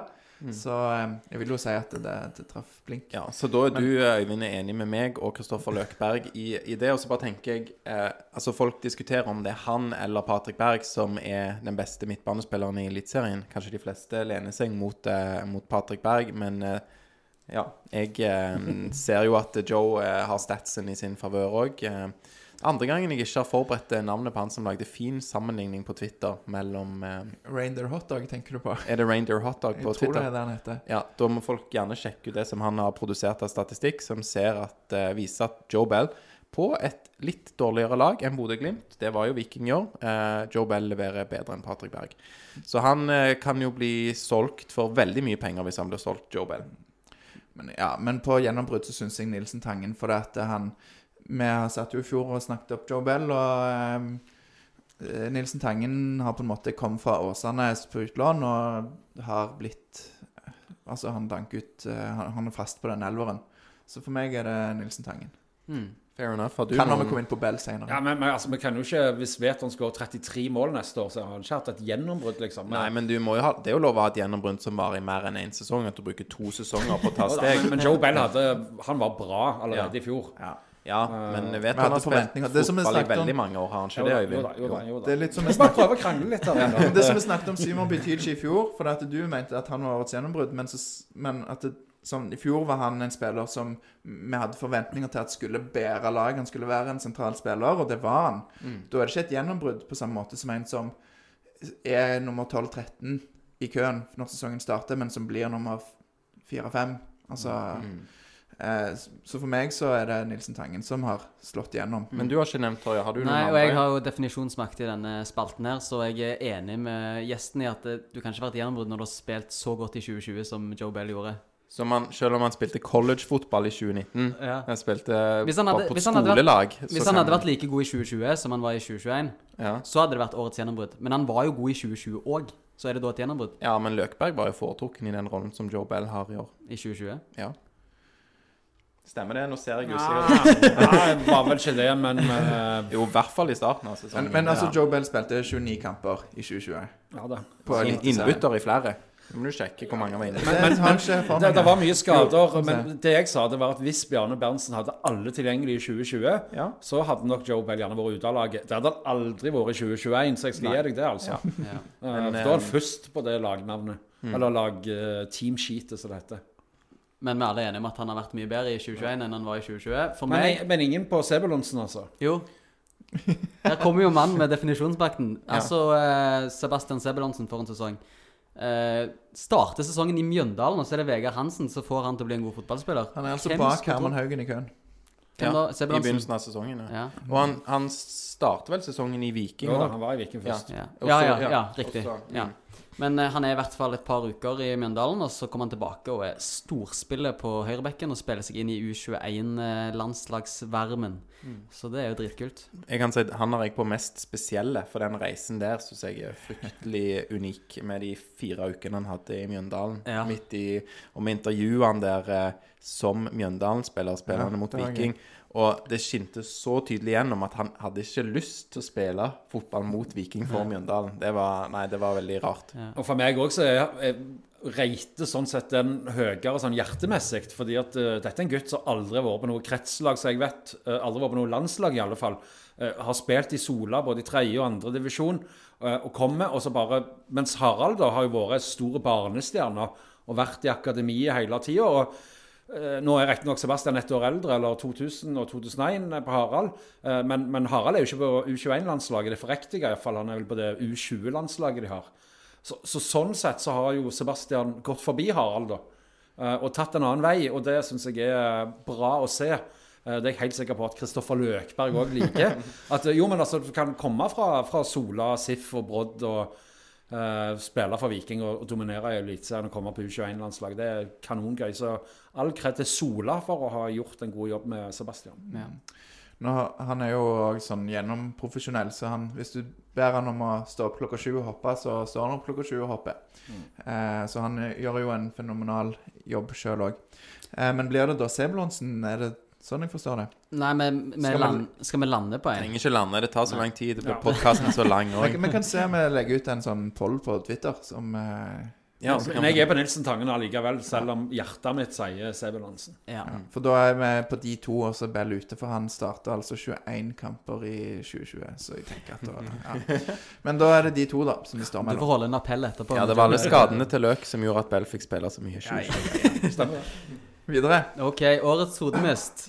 Eh, skal vi mikse litt på rekkefølgen? Du kan begynne, Lars. OK. Selv om du sa alltid gjesten som begynner, Ja, men så du er, for meg er du alltid nest, vet du. Ja. Takk. eh, hodemist Nei, jeg mener jo at det der er det to som krangler om den, og det er Brekalo og Gunnarsson i, eh, oppe i Kristiansund. Eh, kanskje Gunnarsson i at han overspiller det fallet, så kanskje han får den i min bok. Ingenting å tilføye. Jo, altså husk på at Viking har akkurat snudd en viktig kamp i Kristiansund. Eh, Kristiansund eh, jager på eh, og prøver å få utligning. Og jeg syns det er riktig så profesjonelt av Brekalo og Gunnarsson å lage den scenen. Få så mye tid til å gå at det er bare et langt utspill etterpå. En ball ut på sida, så er kampen over, og tre poeng i boks, og bronsen er inne. At det koster oss en suspensjon? Tja, én kamp uten Brekalo, det var verdt det. Kalkulert. Er sånn du får med internasjonale spillere. vet du. Det var raust av deg. Ja, ja. ja så ble det jo òg eh, sånn med Jeg vet ikke om det er positivt eller negativt, men det ble jo internasjonal oppmerksomhet rundt, eh, rundt Viking, da, etter dette. All PR er god PR. Jo, men jeg syns jo Viking løste det på en helt Syns du det? Jeg syns det var så staged, det At de, at de tar det Ja, men det gjør de jo staged. Så at det er det som er bra. eh, og tar et smilbilde eh, av de to. Eh, og da forteller de egentlig at vi vet at dette er pinlig, men vi gjør dette. Og så kaller de inn til en pressekonferanse provisorisk på dagen etterpå, og så er dette gone. Eh, og så har mange fått seg en god latter, og så er vi glad i både eh, Brekalo og Gunnarsson. Men vent litt. Tror du ikke at Gunnarsson og eh, Brekalo gikk og kjøpte den smilen og gikk rundt og holdt den sånn og smilte? Tror du, det, tror du ikke det var bare øyeblikks... Spesielt Bricalo. han er veldig god i norsk, så han vet hva smil betyr. Ja, Jo, det det, var, det var selvfølgelig så rigga som det rigga kan være, og det er jo det jeg syns setter litt pris på. Skal si jeg er litt uenig, men jeg hadde foretrukket at de tok bilde uten sjokoladen. Nei, jeg, jeg syns det med sjokoladen var bare det, de gjorde det så kleint at eh, det ble ufarlig. Eh, så- Litt delte meninger rundt den. Ja, jeg syns det var nydelig løst av Viking, det òg. Men hvem er hodemisten for deg, da? Jeg hadde jo den, eh, hadde jo den episoden, jeg òg, for å være litt alvorlig. Det er jo fullstendig hodemist å filme på sin egen spiller. Jeg, gir Gunnarsson 90 av, av skylda. Eh, Vi ser jo ofte at spillere krangler òg internt. Eh, og ikke minst på trening, kanskje litt mindre i kamp. Men, men det å legge seg ned og filme, det, det, er, det er en hodemist. Det er ingenting annet enn en hodemist. Og jeg er helt sikker på jeg har sett den episoden 250 ganger. Og jeg syns jeg klarer å se på Gunnarsson når han liksom reiser seg og ser at Brekalo spaserer ut med det røde kortet, omtrent, at han har gjort noe veldig, veldig dumt. Eh, Så det var en hodemist. Det er litt skuffende at han ikke bare sier det etterpå, da. Man trenger ikke å snakke så mye mer om den episoden, men at han bare sier ja, det ser kanskje ikke så dumt ut dagen etterpå, eller to dager etterpå. Det ser kanskje ikke så bra ut for meg. Han har noe å lære på um, mediehåndtering og legge seg flat og være ydmyk, han òg. Ja. Jo da, jeg, jeg syns han øh, Og han var rett og slett dårlig samme dagen, for han uttalte seg jo etter kampen òg, hvor han sa at det var han andres feil. Han lærte, der, Brekalo lærte nok, eller ja. Der tror jeg nok at Viking burde ha gitt han klarere beskjed, de som var oppe i Kristiansund, og si bare her, legg deg flat. Se her hvor teit du ser ut. Men det var tre på den, da. Tre på den, så Torjer, eh, du, hvis Ja, du ikke er enig, enig, så kan du jo bare si hva du mener, så kan vi gå videre. Mm, Ja, nei, men jeg, jeg tenker vi slår fast den. Jeg har ikke forberedt eh, mine egne kåringer. Jeg har vært så opptatt av å vite, bli kjent med dere at jeg har Hadde ikke ikke du hodemist eh, Jo, hva var det jeg sa? Frid Jonsson hadde du som jubler Ja. mot Odd-supporterne. Stemmer. Ja, det var jo meget spesielle greier. Og apropos mest spesielt, hva er det mest spesielle øyeblikket denne sesongen, eh, Alex? Ja, jeg valgte jo ikke et øyeblikk, da, men for meg så er det reisen til Sebastian Sebulonsen mest spesielt. Ja, ja den er fin. Ja, For meg er det at det står eh, rundt 400 Stavanger-folk i uh, Tromsø i en siste serierunde som ikke betyr noe som helst. Uh, og ja, det er mange hadde booka det lang vei før, men det var mange som reiste òg og bestilte bare noen dager før, når de visste at det ikke var interessant, uh, bortsett fra, fra fellesskapet. Eh, jeg jeg syns det forteller alt om hvor langt Viking har eh, kommet som, som klubb, og for meg så er det veldig spesielt på, på alle mulige måter. Ja, Viking har jo fått eh, mye skryt i, i 2021, og med rette på bl.a. dette med supporterne og kulturen rundt og eh, disse her eh, Altså den nærheten til folket. At det, sant, de kommer på Fra ledelsen kommer på Heidis og er med og viser seg, og spillerne kommer. Eh, Kjartan og Eirik Bjørne kommer til deg og er med på podkasten vår. Um, så eh, det syns jeg er helt fantastisk. Den er oppe der. På min mest spesielle så har jeg Frid Jonsson sin feiring foran Odd-supporterne. Det syns jeg var veldig spesielt. Kan jeg komme med en til, for jeg kom på en til. Og uh, nå har jo, har jo Ja. Det er når Løkberg springer opp og gir drakten på Nadderud til han eh, gutten som, som står der og som blir så glad. Sånne, sånn en, eh, Jeg begynner gjerne å bli gammel, men sånne ting eh, varmer òg meg. Og syns det er veldig spesielt. Den er fort på årets øyeblikk for meg, Ja, faktisk. kanskje. Ja.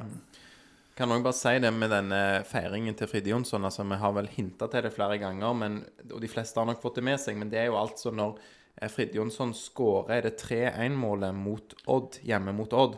Det stemmer nok. Han setter spikeren i ki- kista når Viking avgjør bronsekampen. Eller Ja. det Ja, men eh, Og så velger han å feire foran bortesupporterne. Det er jo det som veldig mange har kicka på, inkludert uh, deg, undertegner det. Ja, Ja. Ah, Men der òg må jeg forsvare han litt. fordi at Så vidt jeg husker, så kommer han inn fra den sida og setter en ball over keeper og snur seg, og da er det jo Odd-supporterne, eller de 10-12 som står der, som er der.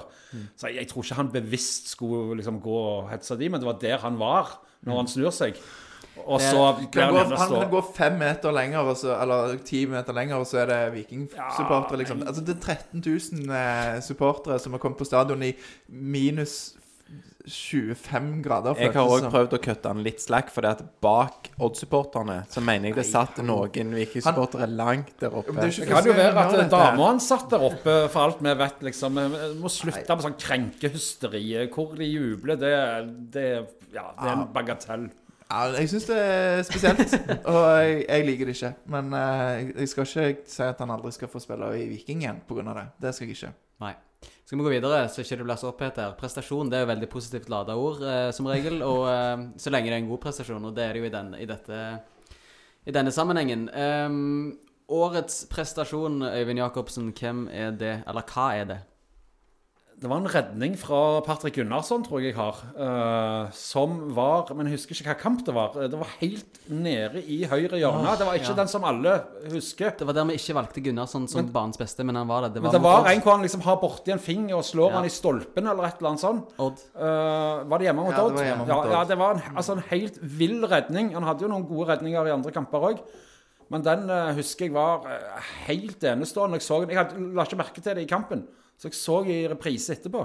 Så gjør han faktisk en redning der, og ja, jeg tar den, jeg.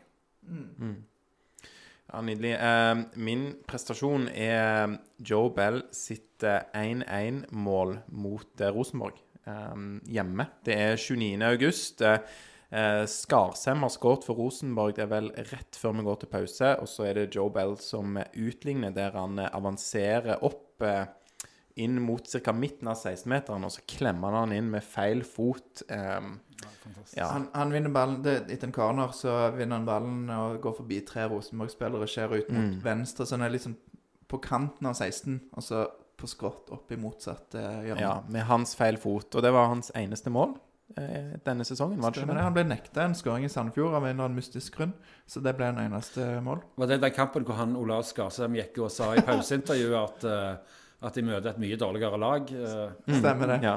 Kanskje den kunne gått på årets mest spesielle, faktisk. ja. Eh, nei, men eh, den, det målet er nydelig, og det har jeg satt på årets mål, jeg. Så eh, nå forskutterer jeg det. Men eh, Mm. eh, hvis jeg kan bare ta min, så de, Disse dere nevner, er veldig bra, og jeg var på Gunnarsson-sporet, jeg òg, men jeg endte faktisk opp på Arild Østbø i, i Sandefjordkampen, der Viking spiller med ti mann, og det, jeg tror det er på stillingen 1-0. Så det er et skudd eh, der han eh, Jeg har aldri sett han så høy og lang som han var da. Der han dytta han utfor. Det var litt sånn, du måtte se på reprisen. Var det faktisk en redning? Og ja, det var det. Den hadde gått inn hvis ikke. Og litt, det ligger jo litt i på en måte historien og bakgrunnen der at han har blitt tråkka på hele sesongen og klandra for Vikings defensive problemer og mye Han har, har ikke hatt noen gode kamper sånn før det, men der reiser han seg opp, og den eh, redningen var eh, fantastisk. Jeg har ikke sjekka det, men det var en som sa til meg at Are Løsbø har bedre statistikk enn Patrick Gunnarsson hva gjelder poeng eh, til Viking mens han har spilt. Altså hvor mye poeng Viking har tatt per kamp.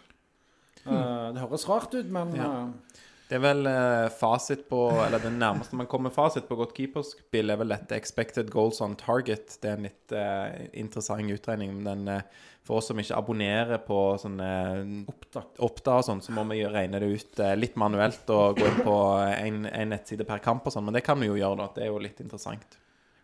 Ellers kan du høre med Vikingstatistikk om han vet. Ja, Ja. vet det sikkert.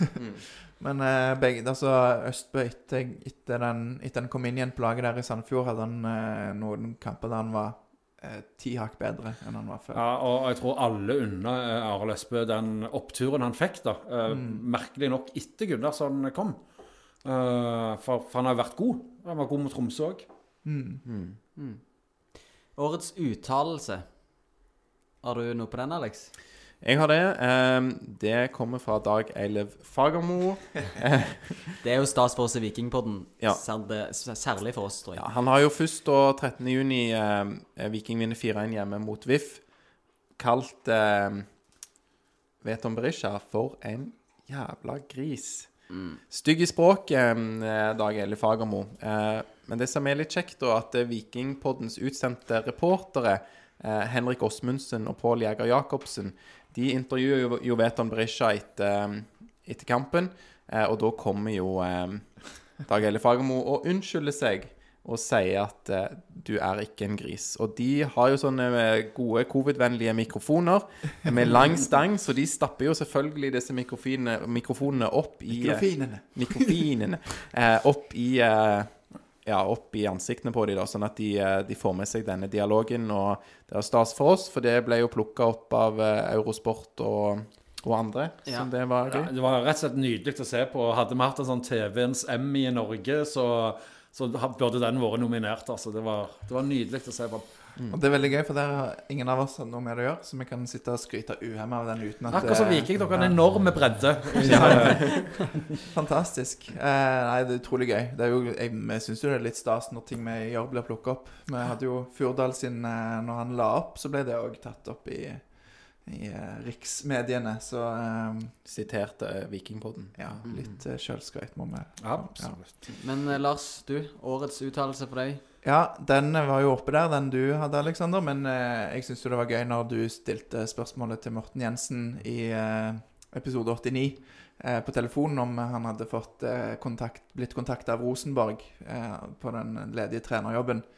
Og da eh, svarte han at nei, nei, for oss, for meg og Bjarte, så er jo Rosenborg et steg ned. Så det er aldri aktuelt. Ja, den er fin. Og det perfekt eh, sagt. Den måtte jeg eh, faktisk tvitre. eh, for det, det gleder en eldrende fyr som er glad i Viking.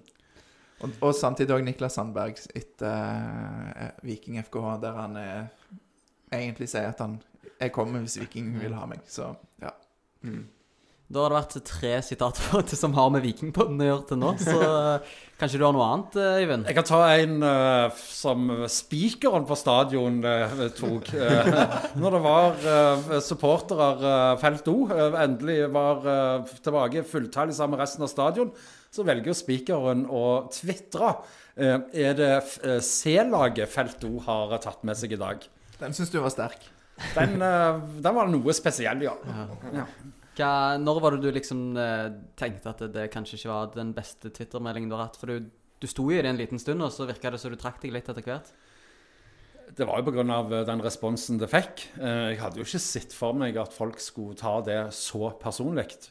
Eh, Og når jeg ser at det blir tatt så personlig, at folk blir rett og slett sinte, eh, og ikke møter det med et glimt i øyet, som det var ment som, eh, så tenkte jeg at jeg har jo ingen interesse av å gjøre folk triste, sinte og leie seg.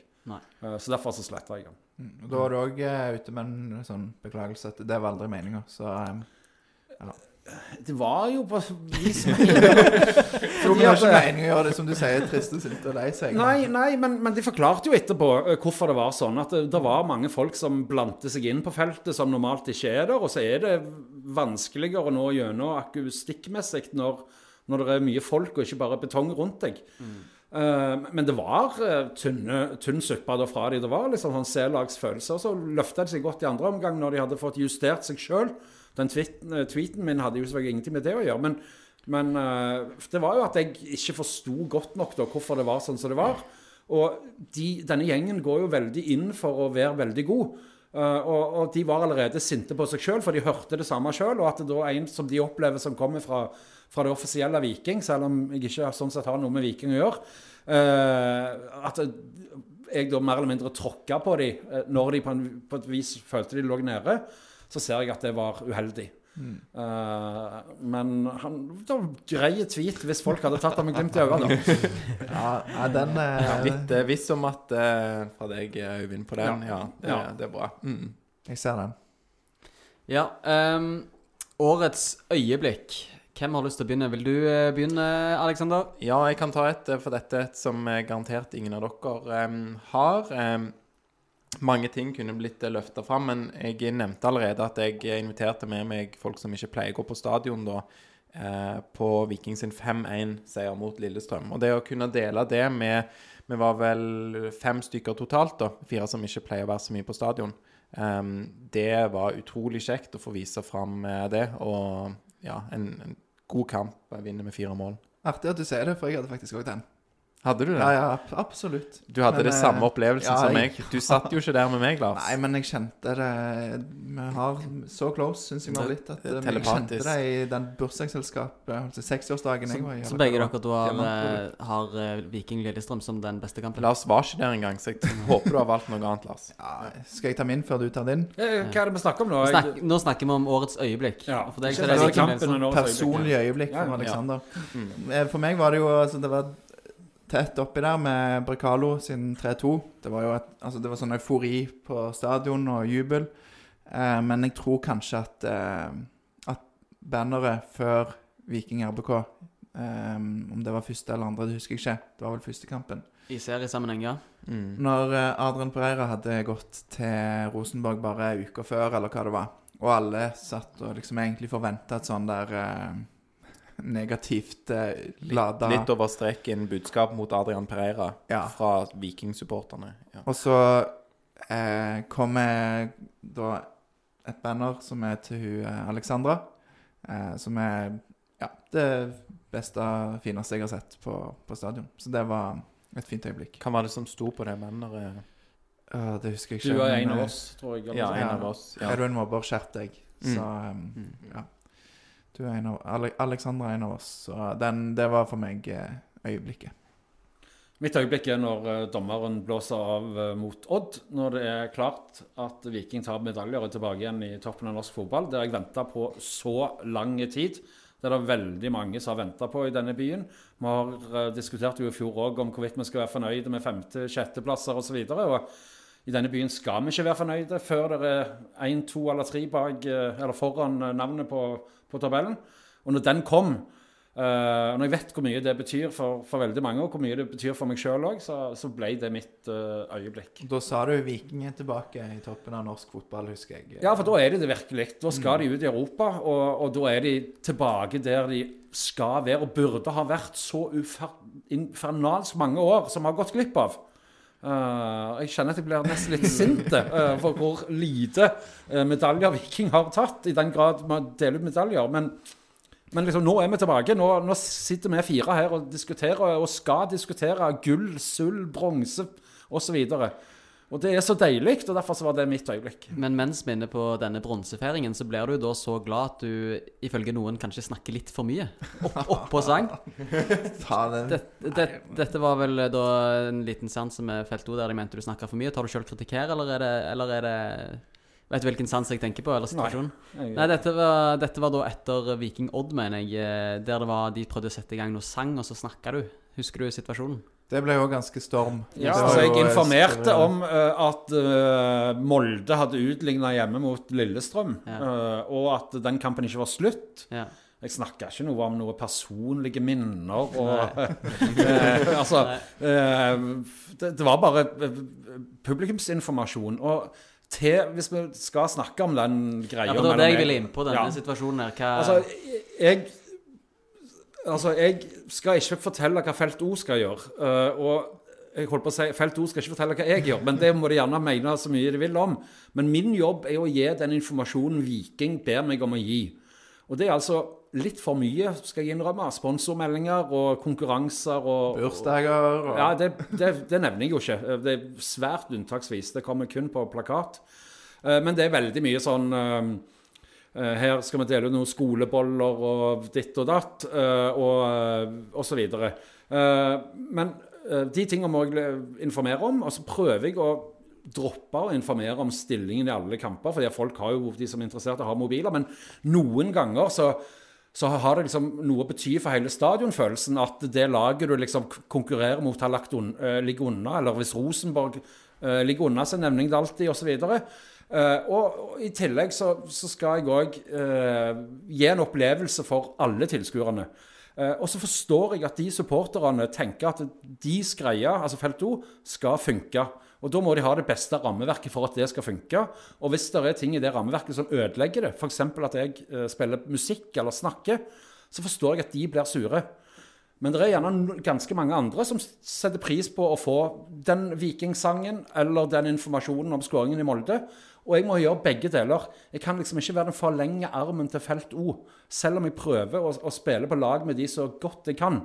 Uh, og så har det liksom utvikla seg til en sånn greie om at uh, fordi at Felt O har blitt populære, så er Øyvind Jacobsen litt misfornøyd med det, og dermed så prøver han å ødelegge for dem. Altså, det var jo det som var meldingen her, at jeg bevisst hadde begynt å snakke uh, når jeg forteller at Bodø-Glimt Brann har blitt 2-2. Uh, fordi at Viking og, uh, og langsida og Felt O har holdt på å rope noe sånn eh, Vi er det beste laget, hvem er det beste laget i Norge? Hadde det vært liksom uh, fart i det, så hadde jeg jo fortsatt fortalt den stillingen. Eh, og det tror jeg de hadde gjort overalt. Eh, men jeg har til ingen hensikt å ødelegge, for jeg syns det er helt fantastisk med den supporterkulturen de har bygd opp, og den uh, sangen de har. Og så er jeg veldig klar over at uh, for de så er dette det viktigste, som jeg snak nettopp snakket om. altså de forbereder seg i mange dager. eh, De har retningslinjer. De, de, liksom, de gleder seg til å prestere, de òg, på et vis, på, på søndagen. Eh, Men det kan ikke komme der hen at eh, det er liksom det som skal være det viktigste for alle andre. Det er viktigst for de, og det gjør opplevelsen mye bedre for oss andre. eh, oss andre. Men det er jo for oss alle oss andre så handler det om det som er ute på banen, som blåses i gang klokka 18.00. Eh, og det er det vi er opptatt av. Og så er det helt nydelig at det blir ekstra god stemning, og gjerne at vi som tilskuere kan være med og ta del i den òg. tror i hvert fall eh, Sånn sett utenfra så var det Nå satt jo jeg på motsatt side av der de prøvde å få det i gang, og jeg, jeg plukket ikke opp verken at du avbrøt noe, eller at det på en måte var på gang, men at det, det blir en sånn at det, er personlig at du tar eh, Nå skal jeg stoppe det. Det er jo Du, ja. Skal du mene noe om dette, Lars? Nå? Eh, Ja, jeg syns jo at det blir eh, Altså, det blir veldig Hva blir det? Spekulativt, blir det rett å si. Det hørtes jo riktig ut, ja. Men jeg er jo en fyr som i alle andre uh, sammenhenger stikker fram nesen min og, og tar veldig mye plass og, og mener mye. Det er derfor vi inviterer deg her, sånn at du får en arena for å Ja, ja, jeg setter jo pris på de, alle de mulighetene jeg får. Uh, men, eh, og det kan godt være jeg har litt vondt i meg på andre fronter, jeg vet ikke jeg, men eh, normalt ikke. Men på Viking så har jeg altså ikke det. Eh, og så, så har meg og Tommy og, og, og noen av de andre feltene òg hatt våre uenigheter om Qatar og VAR og sånn. Men det er jo ikke noe jeg blander inn når jeg er speaker på, på stadion. Jeg, jeg mener ikke at det skal være noe oppmerksomhet rundt meg som, som spiker. Og det jeg irriterer meg faktisk at det blir oppmerksomhet rundt det. Eller oppmerksomhet negativt rundt felt O. Det skal handle om spillerne fra som de elleve eneste i verden som får gå ut på Viking stadion eller SR-Bank Arena og være Viking-spiller. Det er det det om handle om. Og ingen kan ta noe fra verken innsats eller eh, holdt på å si, prestasjon da, fra felt O, for det er virkelig fantastisk eh, kjekt. Og som nevnt, annet dette med banner og disse TIFO-greiene de lager, er jo eh, veldig, veldig kult. Det var jo fantastiske eh, banner eller TIFO eh, på, på Tromsø-kampen òg, som nesten ingen fikk eh, se. Mm. Det Sånn jeg kom over her. Ja, hva var Det det? er lagt ut på, på Twitter, eh, Ja. la det ut. Så det kan dere ta en kikk på. Mm. Skal du ta oss videre? Ja, jeg må ta oss videre. Nå var det på sidelinjen Nei, på et Nei, eh, sidesporet. det ble jo litt flytende det her, da, men vi kan jo gå tilbake til årets mål. Det er jo veldig konkret og greit, og da kan jo du få begynne, Lars. Årets mål for deg? Årets mål, jeg har jo allerede sagt egentlig, det var eh, Det sto mellom to. Det var Berisha mot Sandefjord, som jeg tror eh, du, Øyvind, kan ta etterpå. Men eh, for meg var det Joe Bell sitt skudd fra eh, 17 meter. eh, Et prosjektil eh, på tvers av eh, Altså av eh, Hva er dette? Fra den ene sida av 16 til den andre, og forbi seks-syv mann eh, opp der det var ledig i krysset. Det var Keepertabbe. Alltid ledig i krysset, sier de. Um, Erik Torstvedt hadde sagt det. Hadde uh? Eh, soleklart vetoen sitt mot eh, Sandefjord. Eh, Helflikken fra Nilsen Tangen der. Eh, det gjelder Brekalo sitt òg, fordi at eh, jeg syns det er kult med fine mål, men jeg liker når fine mål òg er viktige. Da tenker du på 3-2 mot eh, Molde? Mot Molde, ja. For det er jo faktisk òg en veldig god prestasjon å, å komme der og, og banke den inn. Han fikk sikkert eh, vil skade seg når han hopper opp. Han var i hvert fall eh, sykt stund. høyt eh, oppe i lufta og bare stanga han inn. Så Kan jeg bare si en ting om Brekalo? Jeg skulle egentlig si det i sted når vi snakker om at vi har et, et godt stopperpar eh, nå. Han må bare lære seg å skåre med beina. Han, han, har hatt, han har brent mange sjanser, det er Ja. sant. For han skåret skårte f.eks. ikke mål mot eh, Sandefjord. Der vet han skårte dette fine med Stemmer det. helflikken som du refererer til. Stemmer det. Men, men, eh, men eh, det målet til Veton var jo òg viktig. Altså, det var jo en kamp hvor Vikings var én mann mindre. Og den seieren der gjorde jo at vi fikk den bronsen, sannsynligvis. Og der kommer jo faktisk ballen fra nevnte Brekalo til Berisha, som sjøl har en helflikk, Ja. til Nilsen Tangen, som tar han videre. Og da er det jo helt perfekt. Da Ja, er det jo helt perfekt. Da er du alle involvert. Ja. Da, Helflikke til Veton, som avslutter med feil fot fra 16 meter, er det det? Selve Ja, skuddet ja. Avslutningen ligner vel litt på Joe Bell sin, bortsett fra at den er langs bakken. Ja, feil Sånn i, fot og eh, avstand og Ja. retning, eh, Mm. ja, jeg, jeg vil, jeg vil jeg håper at vi går for den, altså, hvis vi skal ha en avstemning her. Eh, Tarjei, hva har du? Du har ikke funnet noe, eller? Eh, Nei, for meg er årets mål dette mot Sandefjord. Der, Mot Brann? Nei. eh, mot Brann, ja. Det er det jeg så. Nei, eh, nei, for meg er det jo dette her. Veton Berisha sitt mål mot Sandfjord, Det er nydelig. Um, Jeg er men med på den. du er med på den? Ja, ja, ja. Ja, Da så rotter vi oss sammen og stemmer for det målet. Men dette har vært en lang, fin kåring, men det aller viktigste gjenstår. Og det er ikke årets gjennombrudd, ikke årets hodemist eller mest spesielle eller Det prestasjon, men det er årets spiller. Og hvem er årets spiller? Vi kan begynne med Alexander. Joe Bell. ja Joe Bell. Altså han er, Jeg òg er på Joe Bell, uh, men som den Vikings beste spiller. Uh, og så har han vært viktig. Og så har jeg litt lyst til å trekke fram Kristoffer Løkberg, altså. For uh, den der Jeg tror det, det han står for, er det som har fått enda mer hva skal jeg si, tilhold i, i Viking lag. da, At de er sammen som en unit. At de, at de feiter og slåss og står sammen. Så men det er klart, Joe Bell har vært den viktigste, beste spilleren for uh, Viking uh, i konkurranse med Berisha, men uh, Løkberg som en god nummer tre, da. Ja, veldig bra at du trekker fram, fram Løkberg òg. Og jeg vil jo bare si at de tre kampene Viking var uten Joe Bell, var jo kamper der f.eks. de ikke klarte å vinne mot Stabæk. De ikke klarte å vinne mot Strømsgodset. Og jeg husker ikke den siste, om det var Vålerenga borte. Men det var i hvert fall kamper der Viking avga poeng, som, der de spillemessig burde ha vunnet. De mangla det siste for å få, få han inn. Eh, ingen eh, Joe Bell til å slå de høye inn i boksen eller eh, sånn. Og eh, ja, hvis vi hadde vunnet de Vant vi ingen av de kampene uten Joe Bell? Nei, jeg tror ikke det. Og så vant vi alle uten. Veton, eller? Eh, ja, det er er Vålerenga Jeg tror Vålerenga-Viking 1-1 tror Ja. jeg var uten Veton. Eh, ja, ok, ja. Ja. Men jeg er ikke sikker. Dette har jeg ikke sjekka grundig nok opp. Det beklager jeg. Det går Ja, bra. men litt Det for eh, seere og lyttere òg, vet du. Det, Ja, det Ja. er jo å aktivere de. mm, Da får de sjekke sjøl. Ja. Mm. Men eh, OK. Um, da har vi vært gjennom masse her eh, på årets kåring. Eh, eller på kåringer for 2021. Da er det litt spørsmål som er til deg, eh, Øyvind. Enda flere her. Og det er Ole Kristian Torstrup som lurer på hvorfor spilles det utenlandske sanger like før kampstart? Hvorfor kan du ikke heller spille Nå vet jeg ikke om det er du som velger det, men det kommer vi kanskje tilbake til. Hvorfor kan det ikke heller spilles Morten Abel med 'Hjerta for de mørkeblå' istedenfor? jeg tror ikke det er noen sanger jeg har spilt mer enn Hjerta 'Hjertet for de blå' med Morten Abel. Eh, Jeg spiller den musikken jeg føler er rett å, å spille, og jeg får masse kritikk eh, for det. Ingenting ros for det. Eh, Men for eksempel, jeg vet så felt O, eller noen i felt O var misfornøyde med, med sangene før siste hjemmekamp. Da valgte jeg altså å spille alle tre Bli med-sangene, for det var veldig mye unger.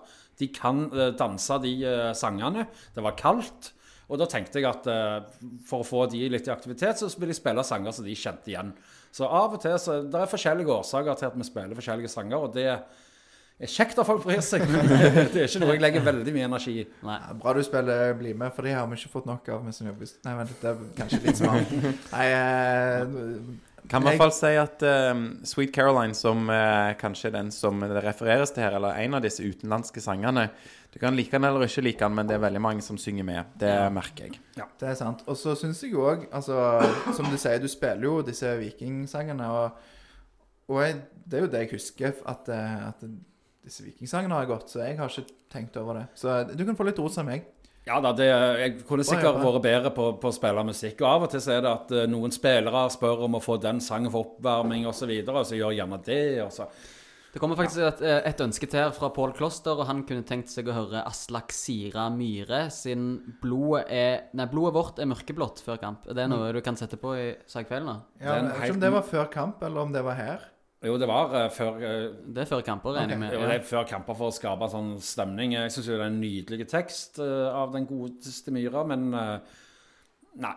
Jeg tenker at den har hatt sin tid. Men det, hvis Viking ber meg spille den, så skal jeg gjerne gjøre det. Den ligger jo på YouTube, så det, den kan du Jeg spiller den titt ofte hjemme for meg sjøl, før kamper og sånn. Og det anbefaler jeg òg Pål og andre til å gjøre. For det, den gir det god stemning.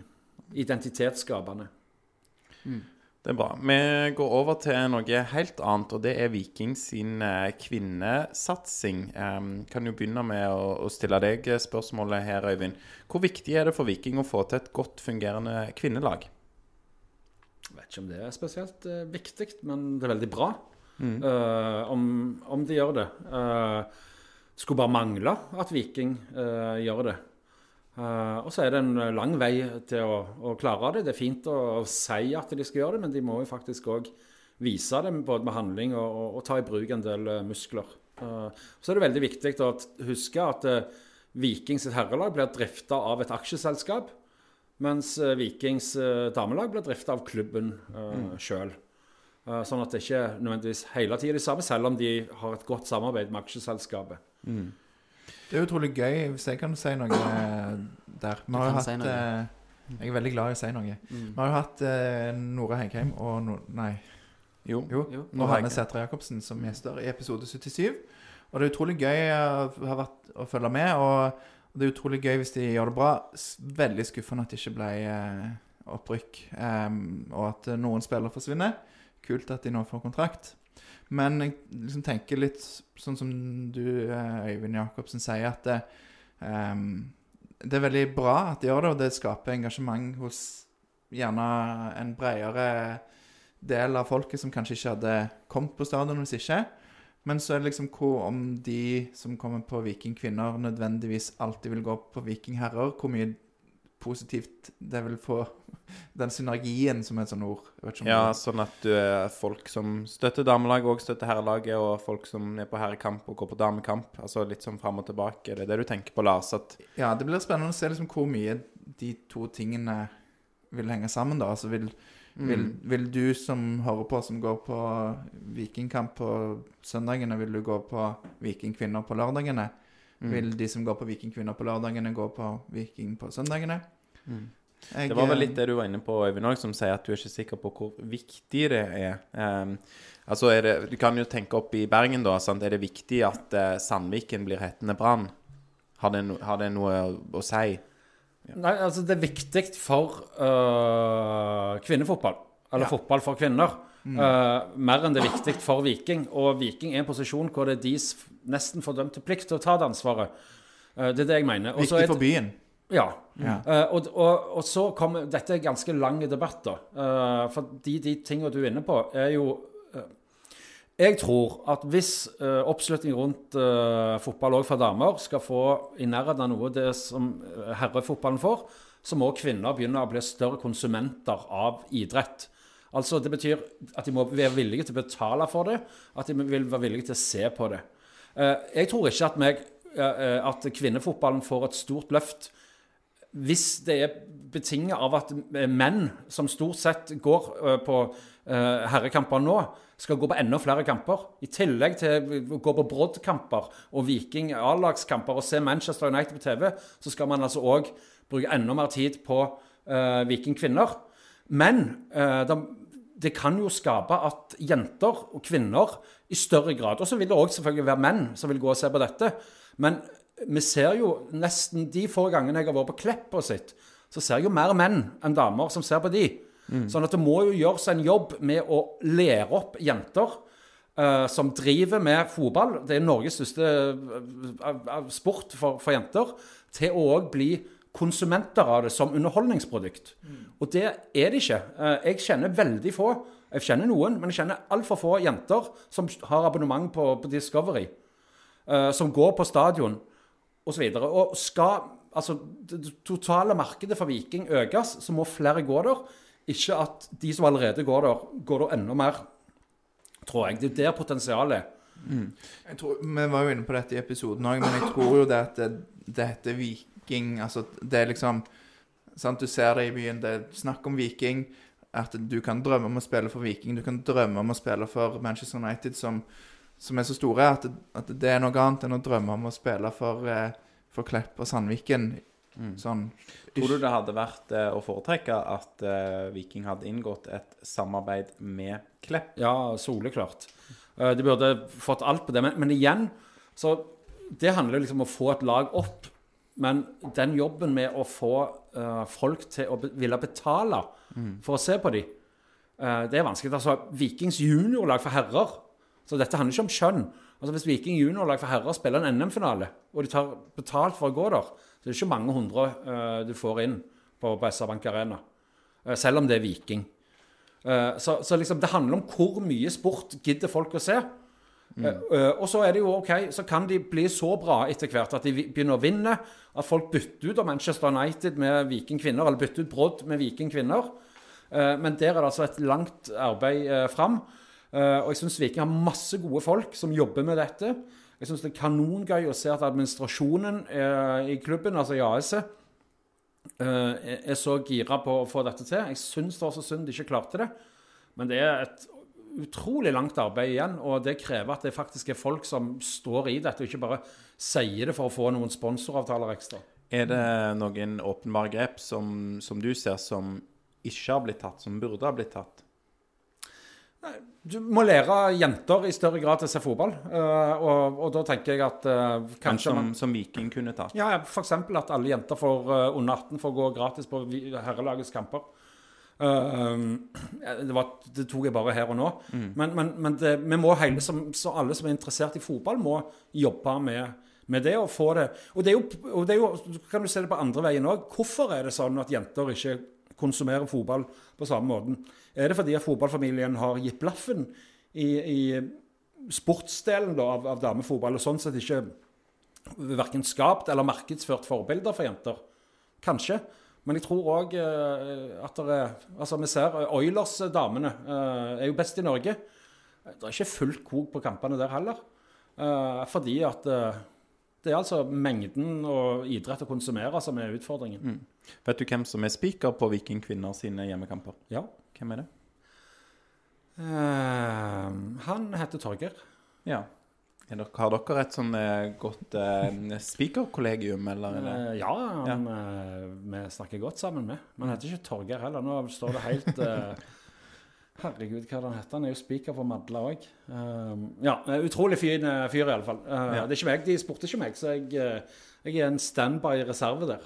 Ja, men det er bra. Så eh, Der putta vi deg eh, on the spot, som de Ja, sier. jeg, Ja. nå ble jeg sånn uh, Eh, skal vi ta siste ting før vi går videre til 2022? Det er jo da Tor Steinar Sandvik. Uh, Trond Arild Espedal skriver på Twitter. Styrelederen som ansatte Bjørne, som avsnatt, avsatte Bjørne Berntsen og satset på våre to trenere. Mannen som la penger på bordet når Trippic kunne hentes hjem. Gjerne noen, gjerne noen ord om han.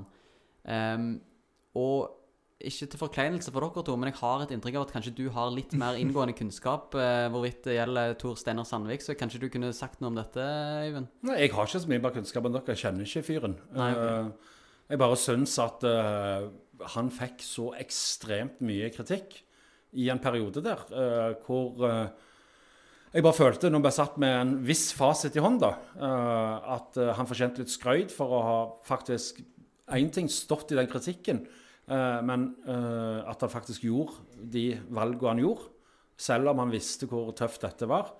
Og så er det masse ting inni her som jeg ikke vet noe om. Eh, Men jeg, jeg syns at sånn som ting har utvikla seg, at Viking nå tar sin første medalje ute i Europa, selv om han vel sa Champions League. Så jeg skal ikke si at noen skylder han en unnskyldning, men vi skylder vel han gjerne noen tanker, varme tanker, for det han har stått i.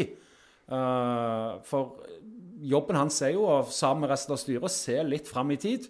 Ta de upopulære beslutningene som vi på utsida ikke forstår noe av.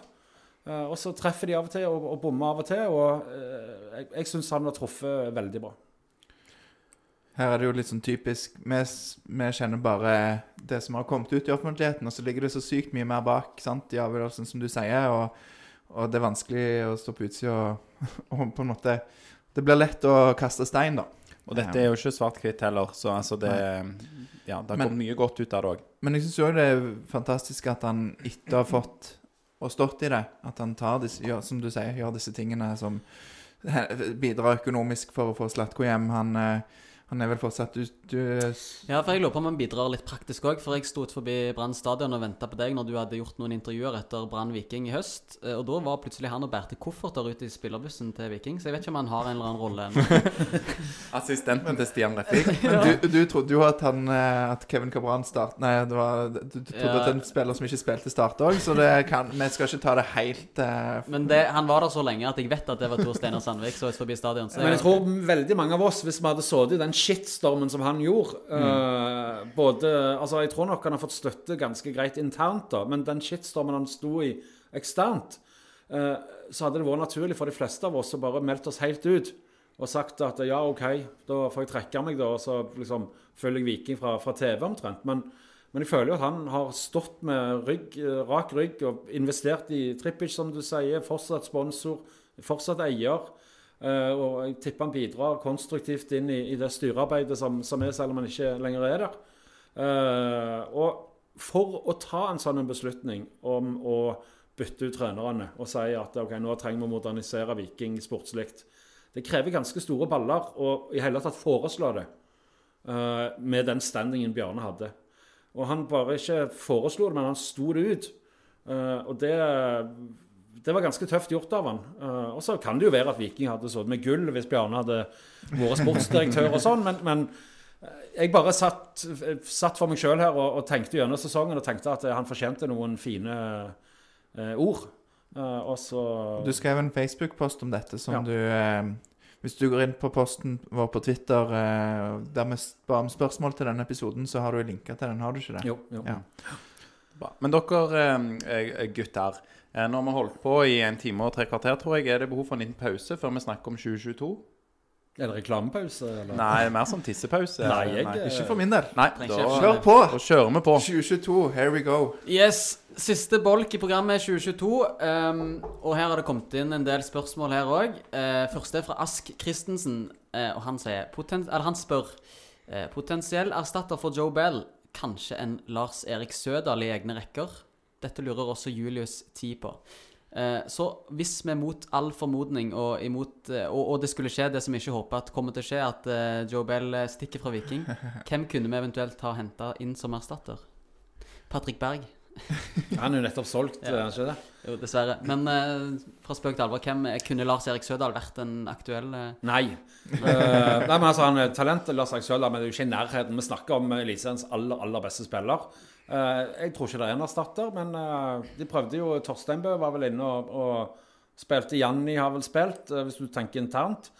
Stensnes. men Stensnes. Eh, ja, men han skal vi altså ha som stopper. Ja, det, men det, da må i så fall. Lode komme. Eh, jeg håper alle skriver en mail til Lode, eller tagger han på Instagram og, og overtaler han til å, å sette region foran egne eh, Ja. Men Nei, jeg, jeg klarer ikke å se noen Men jeg tipper de nede i Jåttåvågen har en sånn liste over noen spillere, men det er utenfor utenfor min fatteevne. De har jo hatt Altså, de har truffet bra før på logistikken på Mm. spillere, så tipper jo de har en plan. Eh, vanskelig å se hvem, eh, hvem som skulle kommet inn. Altså, det har vært snakk om at Yldren skal hjem, men han er jo en annen type spiller. Altså, Noen vil ha han tilbake. Det er jo ikke hvor realistisk det er, vet jeg ikke. Um, men han er jo ikke, kan jo ikke gå inn og ta rollen til Joe Bell.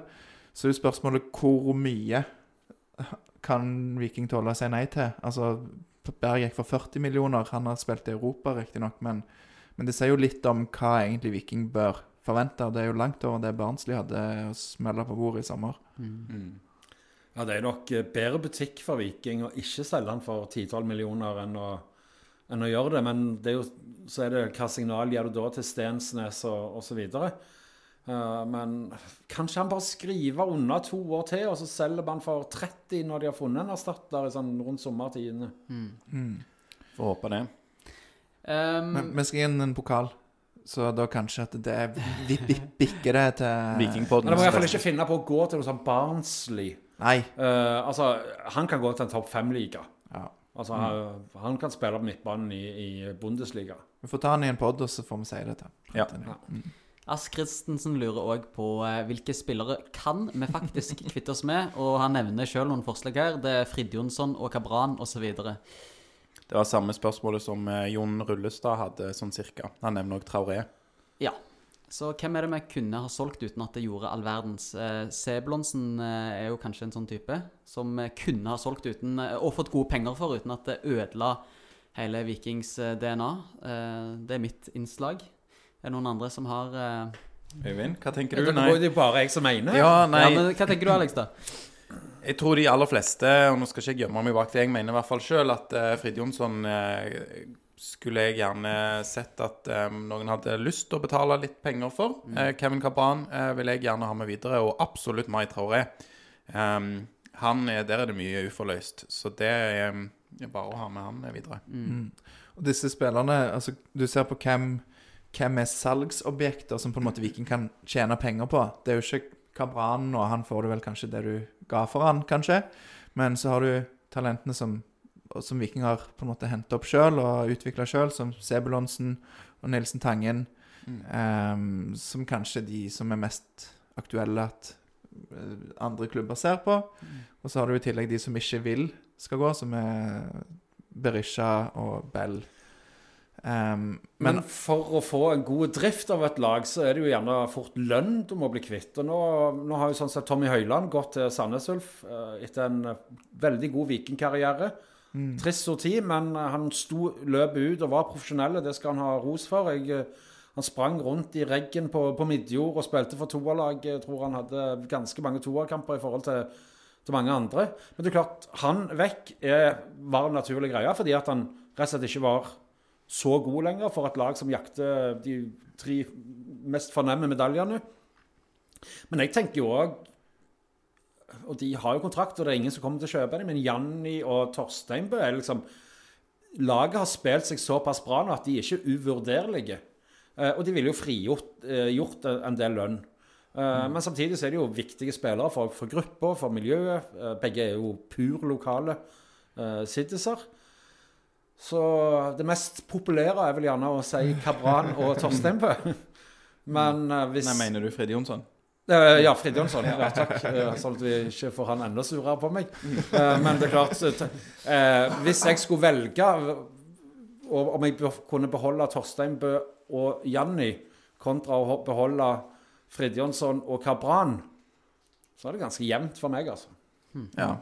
ja, det er spenstig. Der eh, tar jeg gjerne islendingen og svensken, selv om jeg beholder gjerne Kabran. Ja. ja, sender de ut, mener jeg. Ja, så, Ja, da, jeg tror Jo da, men, men vi trenger jo et stort innslag av lokale spillere. Så jo, jeg òg er det, altså. Men Jeg tror Viking tåler bedre å selge Sebulonsen enn Nilsen Tangen. Jeg tror de tåler å selge Nilsen Tangen bedre enn å selge Berisha Bell. Men helst vil jeg jo beholde egentlig alle, fordi at vi skal ut i Europa og, og trenger bredde. Det er gode spillere. Men kanskje at Sebulonsen er en sånn spiller som eh, går i sommervinduet, f.eks., eller eh, Det er jo ofte der en får, får mest penger. Um, hvor mye bredde ekstra trenger de til de 90 minutter mot den partien der eh, på nøytral bane? Hei, hei, hei, hei. Nå er det ny, ny sesong, Eivind. Det, det skal bli gruppespill. Da blir det kamper i Ja, tenk på det hvis vi skal på bortetur nedover i Europa. Det blir saker. Men for at vi skal klare å komme oss nedover i Europa, så trenger vi en god keeper. Og kommer Gunnarsson tilbake? Det lurer Jan Clifford Godfrey på. Godfrey på. Ehm, ja. Kommer Gunnarsson tilbake? Tror vi at Viking ønsker å forlenge med, med, med Gunnarsson? Og Det var vel samme spørsmål som eh, Jon Vågen hadde òg, og han foreslo Rossbakk inn fra Odd, eller Selvik fra FKH. Ja. Ja, Nå utvider jeg spørsmålet. Selvik er jo det var noen som nevnte Feie Lund òg. Kim Erlend. Jeg kan ikke ha Feie Lund. Vi kan, må ha keeper på 1,90, altså. Uh, I Viking. Det blir litt sånn du får inn eh, Arild Østbø 2, på en måte. Mm. Eh, Aslak Falk. Nei, glem det. Ja, videre. Det var ikke han jeg tenkte på. Jeg tenkte på han sørlendingen, jeg. Vikne. Han òg var ganske lav. ja. Men Selvik har eh, høyden, har han ikke det? Jo, eh, men han har lang kontrakt med Haugesund òg. Ja, Men Haugesund er jo- går konkurs i vinter. ikke det er bare sånn spill for politikerne som Viking holdt på med for noen år siden? De eh, Aksjeselskapet der sitter jo på store eierandeler på, på stadion. Så det der er bare en kamp om hvorvidt eh, idrettslag, altså FK Haugesund som idrettslag, skal måtte betale leie osv. Så, videre. så jeg tror Haugesund har så det sånn at de slipper å selge Alle. Uh, uh, eh, han uh, iallfall, og kanskje de òg kan presse opp prisen på Niklas Sandberg. Nå må ikke du snakke opp noen pris her. Nei, altså, jeg syns en million er mer enn nok. Eh, Han har ett år igjen, han. Men Selvik har litt lang kontrakt. Ja, Eh, av de andre som blir nevnt, Faye Lund og Rossbakk, er jo ikke keepere som Altså, da tar jeg heller Østbø, men eh, Får ikke vann i munnen av noen av dem. Sean McDermott er min mann. Han er god, Det altså. er sant. Han er dritgod. Spesielt mot Stabæk. Hent heller en spiller fra nivå 3-2 i Tyskland. Uh, en eh, engelskmann som spiller Altså, det er jo så mange gode keepere rundt omkring. hørte han. Lennart Grill det ryktes at han er ledig uh, nå. Ja. Nei, jeg, jeg håper jo faktisk at det blir Gunnarsson, for jeg ja. syns det er mye bra keeper i han. Og så er han unge og kan, har isl, islending og Jeg oppdaget det her forleden på en eh, Det skal ikke legge for mye i det, da, men en gammel save på FM eh, 2021 at eh, Gunnarsson faktisk er verdt eh, 300 millioner i eh, 2026. Ja. Så eh, Så her kan vi ikke gjøre god butikk, altså, hvis de bare slett. legger noe Håper Bjørne Nei, altså, jeg, jeg tror han er ferdig i Brentford. Altså, jeg tror ikke han er liksom blir satsa på der. Så det handler jo om om, om Viking vil satse på den, eh, og hva avtale Brentford vil ha, om de vil ha en veldig store videresalg, som gjerne er ofte det de gjør når de slipper spillere på det nivået til, til Skandinavia. ja, det blir spennende. Ja. Jeg syns, syns de har vist eh, god teft tidligere, så jeg håper jo at de fortsetter med det. Alex, Jo Broch har sendt inn noen spørsmål som handler om eh, hvordan Viking kan ta nye steg. Har du lyst til å ta oss gjennom det? ja, men jeg lurte på først Skal vi ta dette med unggutter først? Ja, Ja. det kan vi gjøre. ja.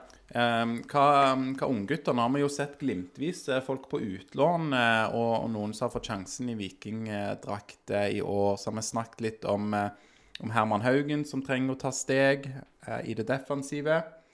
Men er det noen som har Vi har kanskje sett mest til Simon Kvia Egeskog eh, i år. ja. Ja, han, av de unge så har han spilt mest, eh, altså mest innhopp. Elleve innhopp, én Ja. fra start. Ja. Det er jo litt eh, kamper, det. Jeg så Sondre Auklend i Bergen. På, han spilte for Åsane, og han har tatt steg og tatt ansvar. Eh, han er jo ikke en stor mann ennå, men han eh, har nok hatt godt av eh, et, en halv sesong i farmerlaget til Viking Åsane. Jeg vil jo anbefale å høre det, de fem minuttene eller hva det er han Morten Røsland snakker om Sondre Auklend. eh, Der jeg dro til Sandnes når de spilte der. og eh, liksom, du, Jeg vet du har tapt, men kan du snakke litt om Sander Aukland? Bare ja, og så bare la han ut. Og Han visste hva man snakket med der, så jeg, for det var, eh, det var virkelig en hyllest eh, Ja. til en spiller. ja, det var Altså, hvis han har rett, så er det, har vi store ting i vente neste år. Jeg tror at uh, vi ikke kan forvente noe av noen uh, nye uh, Vikingspillere. For dette handler litt om hvor Viking skal hen. Eh, Viking skal ikke ta bronse hvert syvende år. Eh, målet må jo Altså, det er jo helt galskap hvis de ikke sitter i Ottavågen og diskuterer hvordan de skal ta enda inn på å kjempe om sølv og, og gull. Uh, og da er nok uh, den uh, hva skal jeg si, den hesten for å komme inn der enda litt verre. Jeg regner jo med at de vil investere litt òg i, i vinduet. Så jeg, jeg tror fort det blir noen nye utlån på den gjengen. Og det, de er ikke eldre enn at de kan ha godt av et, et utlån. Og kanskje de kan lånes ut i, til Eliteserien, f.eks. Kanskje Sondre Aukeland spiller i Jerv. eh, eller et annet lag i, i 2022. Jeg tror òg at eh, veien inn eh, på laget for de i den bakre fireren eller femmeren er lenger, da. Herman Haugen, Vebjørn Hagen, Sebastian Sørli Henriksen, Kristoffer Paulsen. Forgård Paulsen, ja.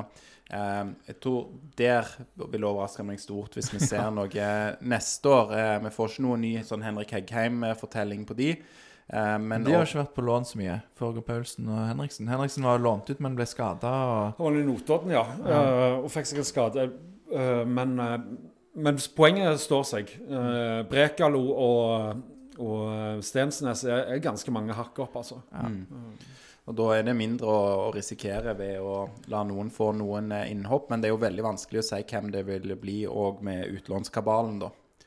Så spennende å se på Lars Erik Sørdal, Heinåsen Larsen eh, preseason nå, hva som skjer. Men det, det blir vel fort ut på de. Det er jo kanskje en egen litt sånn Vi fikk jo spørsmål om det, om vi kunne lage en pod på de unge eh, i Viking, så vi får inn noen som kan har enda litt mer eh, dybde på disse spillerne enn oss, og kan si litt om Men de signerte jo uh, tre 05-ere nå. Uh, både Austbø Kasper og- og Austbø og eh, han Jærbuen, hva er det han heter? Karlsberg. Uh, nei. Nei, han er null ja, han er Eh, nei, nei, nei. Uh, Det er, åh, Andreas Tveiten eh, signerte de.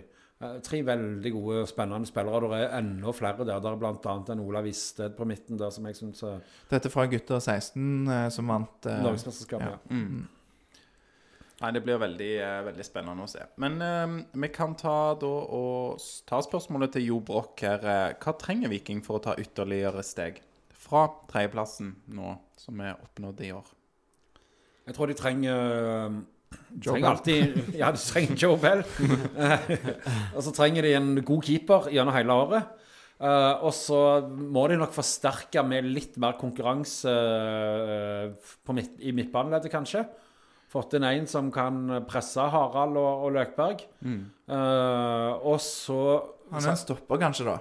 Du har nevnt Lode, men nå er det tre stoppere er ikke, som er etablerte spillere. Er ikke det litt tynt?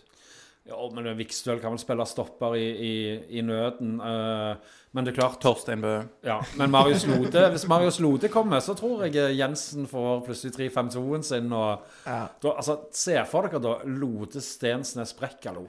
Uff, uff, uff. Så godt de hadde stått til hverandre òg. Uff. Ja. Eh, men, men det jeg kanskje tror de aller mest trenger, det er liksom altså Nå er det seks poeng, eh, og da, er det liksom at djevlene er i detaljene. Og da tror jeg gjerne at de gjerne ikke har det apparatet rundt A-laget. Altså søndag klokka seks igjen, som jeg sier hele tida. Som Bodø-Glimt har, som Molde har. Jeg har et inntrykk at det er flere eksperter på ting. Om de ikke har dødballtrenere og innkasttrenere, så er det flere døgn, altså sånn søvnspesialister og disse tingene her. Som jeg gjerne tror Og Viking har vel ikke, selv om de er to trenere, så har de vel ikke en assistenttrener. Nei. Eh, Da har de vel gått litt vekk ifra at de vil ha òg, så ja. Ja, altså, normalt så har du én trener og to assistenter. Viking har to hovedtrenere og ingen assistent. Altså Rune Reppvik er jo toppspillerutvikler og følger litt med. Pål Fjelde er på video og sånn. uh, og, og litt på feltet. Men uh, mer ressurser enn der, kanskje. Eh, Uh, Og nå svarer du jo litt på spørsmålet til Kristoffer Johannessen òg. Altså, hva må til for at Viking skal være en seriøs utfordrer til seriegull i 2022? Jeg syns hvis, de- hvis de klarer å skåre 42 mål i første omgangene i tillegg til 42 mål i andre omgangene, og tette en litt igjen bak, så begynner det å nærme seg. Det er gode, det gode svar. Det, Men, eh, men Joe Bell og, og Veton eh, altså, Hver for seg fantastiske, men de har jo òg en utrolig bra link som jeg er redd for uh, kan ødelegges ved at Bell selges, f.eks. Uh, det er ikke få ganger Bell har vært treisest nest sist på, på ting som Veton har sendt i mål. Så jeg er jo litt sånn ekstra redd uh, på, på det. For Ja. At, eh, ja. Nei, uff. Så de må beholde de to. Ja, for alt i verden. Og vi har jo løst en floke som vi ikke hadde løst eh, før sesongen 2021 begynte. og Det var jo at vi har fått nå bedre kontroll på forsvaret og slipper inn mindre mål. Så hvis, eh, Det er jo en fordel vi har nå inn i 2022 kontra 2021. Så én ting har vi etablert allerede. Det er jo et bedre forsvar med Bricalo og Stensnes. Sponsorutstyr, det er noens etterlyser det, Lars. Eh, Hva er dette for noe? Jo, det er, det er vel Joakim Oseberg som har sendt inn et spørsmål om Viking bør satse mer på salg av produkter. F.eks. gå enda hardere inn for å bruke vikingnavnet. Det ligger jo et potensial i markedet med, med navn og Viking og Vikingbrødet, husker jo jeg. Jeg vet ikke om de gjør det ennå, men eh, For han har en drøm om at de bl.a. produserer denne drakten fra eh, Jeg husker ikke hva, men eh, det er Olav Nilsen som henger i luften der og eh, ikonisk bilde. sikkert 72 eller 68 eller noe sånt. Ja. Ja. Veldig flott drakt, men eh, Det er vel en annen leverandør enn vi har i dag òg. Det er vel òg et sånt problem på de retrodraktene, er det ikke det? Ja. Det, men det ligger kanskje et litt uforløst potensial økonomisk her, da. Jeg vil jo si at um, HamKam har jo Jeg er jo ikke noe sånn stor HamKam-fan, Ja, de har for min lojalitet lojalitet ligger jo med Raufoss i Obos-ligaen, der HamKam hører hjemme. Um, så der uh, står jeg i den uh, lille skvisen der. Men Eller den lille ja, konflikt... eh, nei, hva er det jeg leter etter? Rivaliseringen, Ja. er det. Men, eh, men de lager jo en del ting som slår veldig an, da, som eh, vanlige folk bruker. Bruker det til kamerat. Kamerater. Ja. Var det en kam òg, da, gjerne? ja, et eller annet. Selger skinke dyrt. Og... Felt O har jo fått sånn øl, men det Ja, jeg prøvde å kjøpe det i dag, men det er utsolgt overalt. Jeg hadde tenkt å ha det på episoden. Men, Men det, det- de, det er jo ikke flere å få tak i. Ja, ja, men nå fikk du vann og Pepsi. Max i Men Viking kunne vel ikke hatt øl? Liksom. Nei, det er sant. Nei. Men der har du Det viser jo bare at det Altså, folk vil ha ting om Viking, da. Ja, De selger så mye vikinggreier ute på nettet. Draktene er utsolgt. Hadde de Nei, ikke sånn, Det sånn var pakke- flere igjen på Hundvåg. Jeg sjekka. Jeg vet ikke, Folk gadd ikke dra til Hundvåg. Ja. Hadde de ikke sånn pakke de delte ut til hun uh, i Eurosport? jo sånn Hva klistremerker og sånn. Var det klistremerker? Tatoveringer og Ja, Mm. sånn Viking kvinner har òg brukt de. Så ja, det, det det kommer seg jo, tror jeg. De er jo, jeg syns det er kult at de har eh, avtalene med Sport1. Jeg tror det er, er bra. Da har de et eh, godt sånn nedslagsfelt i, i regionen og sendes, selges eh, helt ned til Nærbø. Eh, Lars Gaute Sport og ja, flere utsalgssteder i Sandnes kommune enn i Stavanger kommune, tror jeg. Så ja. Det, Men jeg savner jo Altså, jeg gikk jo ofte i Vikingbutikken og kjøpte strømper og shortser. Og det er liksom Du får Du får drakten, og så får du sånn som du, eh, du har på deg, og det er kult, det, men liksom. Du kunne at jeg var sånn full kit wanker. Oh yes. Nei da. jeg pleier ikke å bruke det alt samtidig. nei. Men Nei, men, men det er enige. Altså, jeg tipper at de folka som sitter i Jåttåvågen òg, er ganske sånn trygge på at de skal utnytte Viking enda mer kommersielt. Ja. Mm. Det er jo jobben deres. Ja. Vi skal snakke litt eh, om Europa. Nå går vi, vi veldig nære slutten her, men vi, vi får, går jo inn i andre eh, kvalifiseringsrunde eh, til Conference League. Jeg skal spille kamper 21. juli og 28. juli, så jeg. Eh, det var Twitter-kontoen Oss mot resten av verden som Ja. la dette ut. Der har jeg det fra. Eh, Sett av datoene, sa han. Kommer vi lenger enn det vi gjorde i eh, 2020? Hva, hva tror dere? Det er jo en, en, en ny turnering nå. ja. Boll med Bell. Altså, det er Det er jo så avhengig av hvem du møter. Eh, får du et godt uh, lag i Øst-Europa, så kan du være ute før det har begynt. Uh, så jeg håper jo at de får noe overkommelig fra Nord-Irland eller Wales eller Baltikum. Så kan det jo gå veien. Men Bare vi ikke får Honka, eller hvem det nå var. Bananskall fra tidligere eventyr. Nei, Det er jo det vi håper. Så jeg er veldig spent på om uh, det blir sånn. Altså I Bodø så er det jo ikke fullt hus på eliteseriekampene, men det er fullt hus når de spiller i Europa. Og før Roma-kampene, altså. Eh, og i Stavanger så har det vært så skrekkelig liten interesse. Altså, Viking hadde- Monaco i Ja, vi hadde Monaco. Det var 4000-5000. I beste fall, liksom. Og det, har- det har vært sånn alltid. Uh, at det, det liksom uh, Fordi at sesongkortet som du har fått gjennom bedriften din, ikke funker, så går du ikke på de kampene. Så jeg er spent på hvordan publikum tar imot eh, Europa like mye, så jeg er spent på hvordan det går sportslig.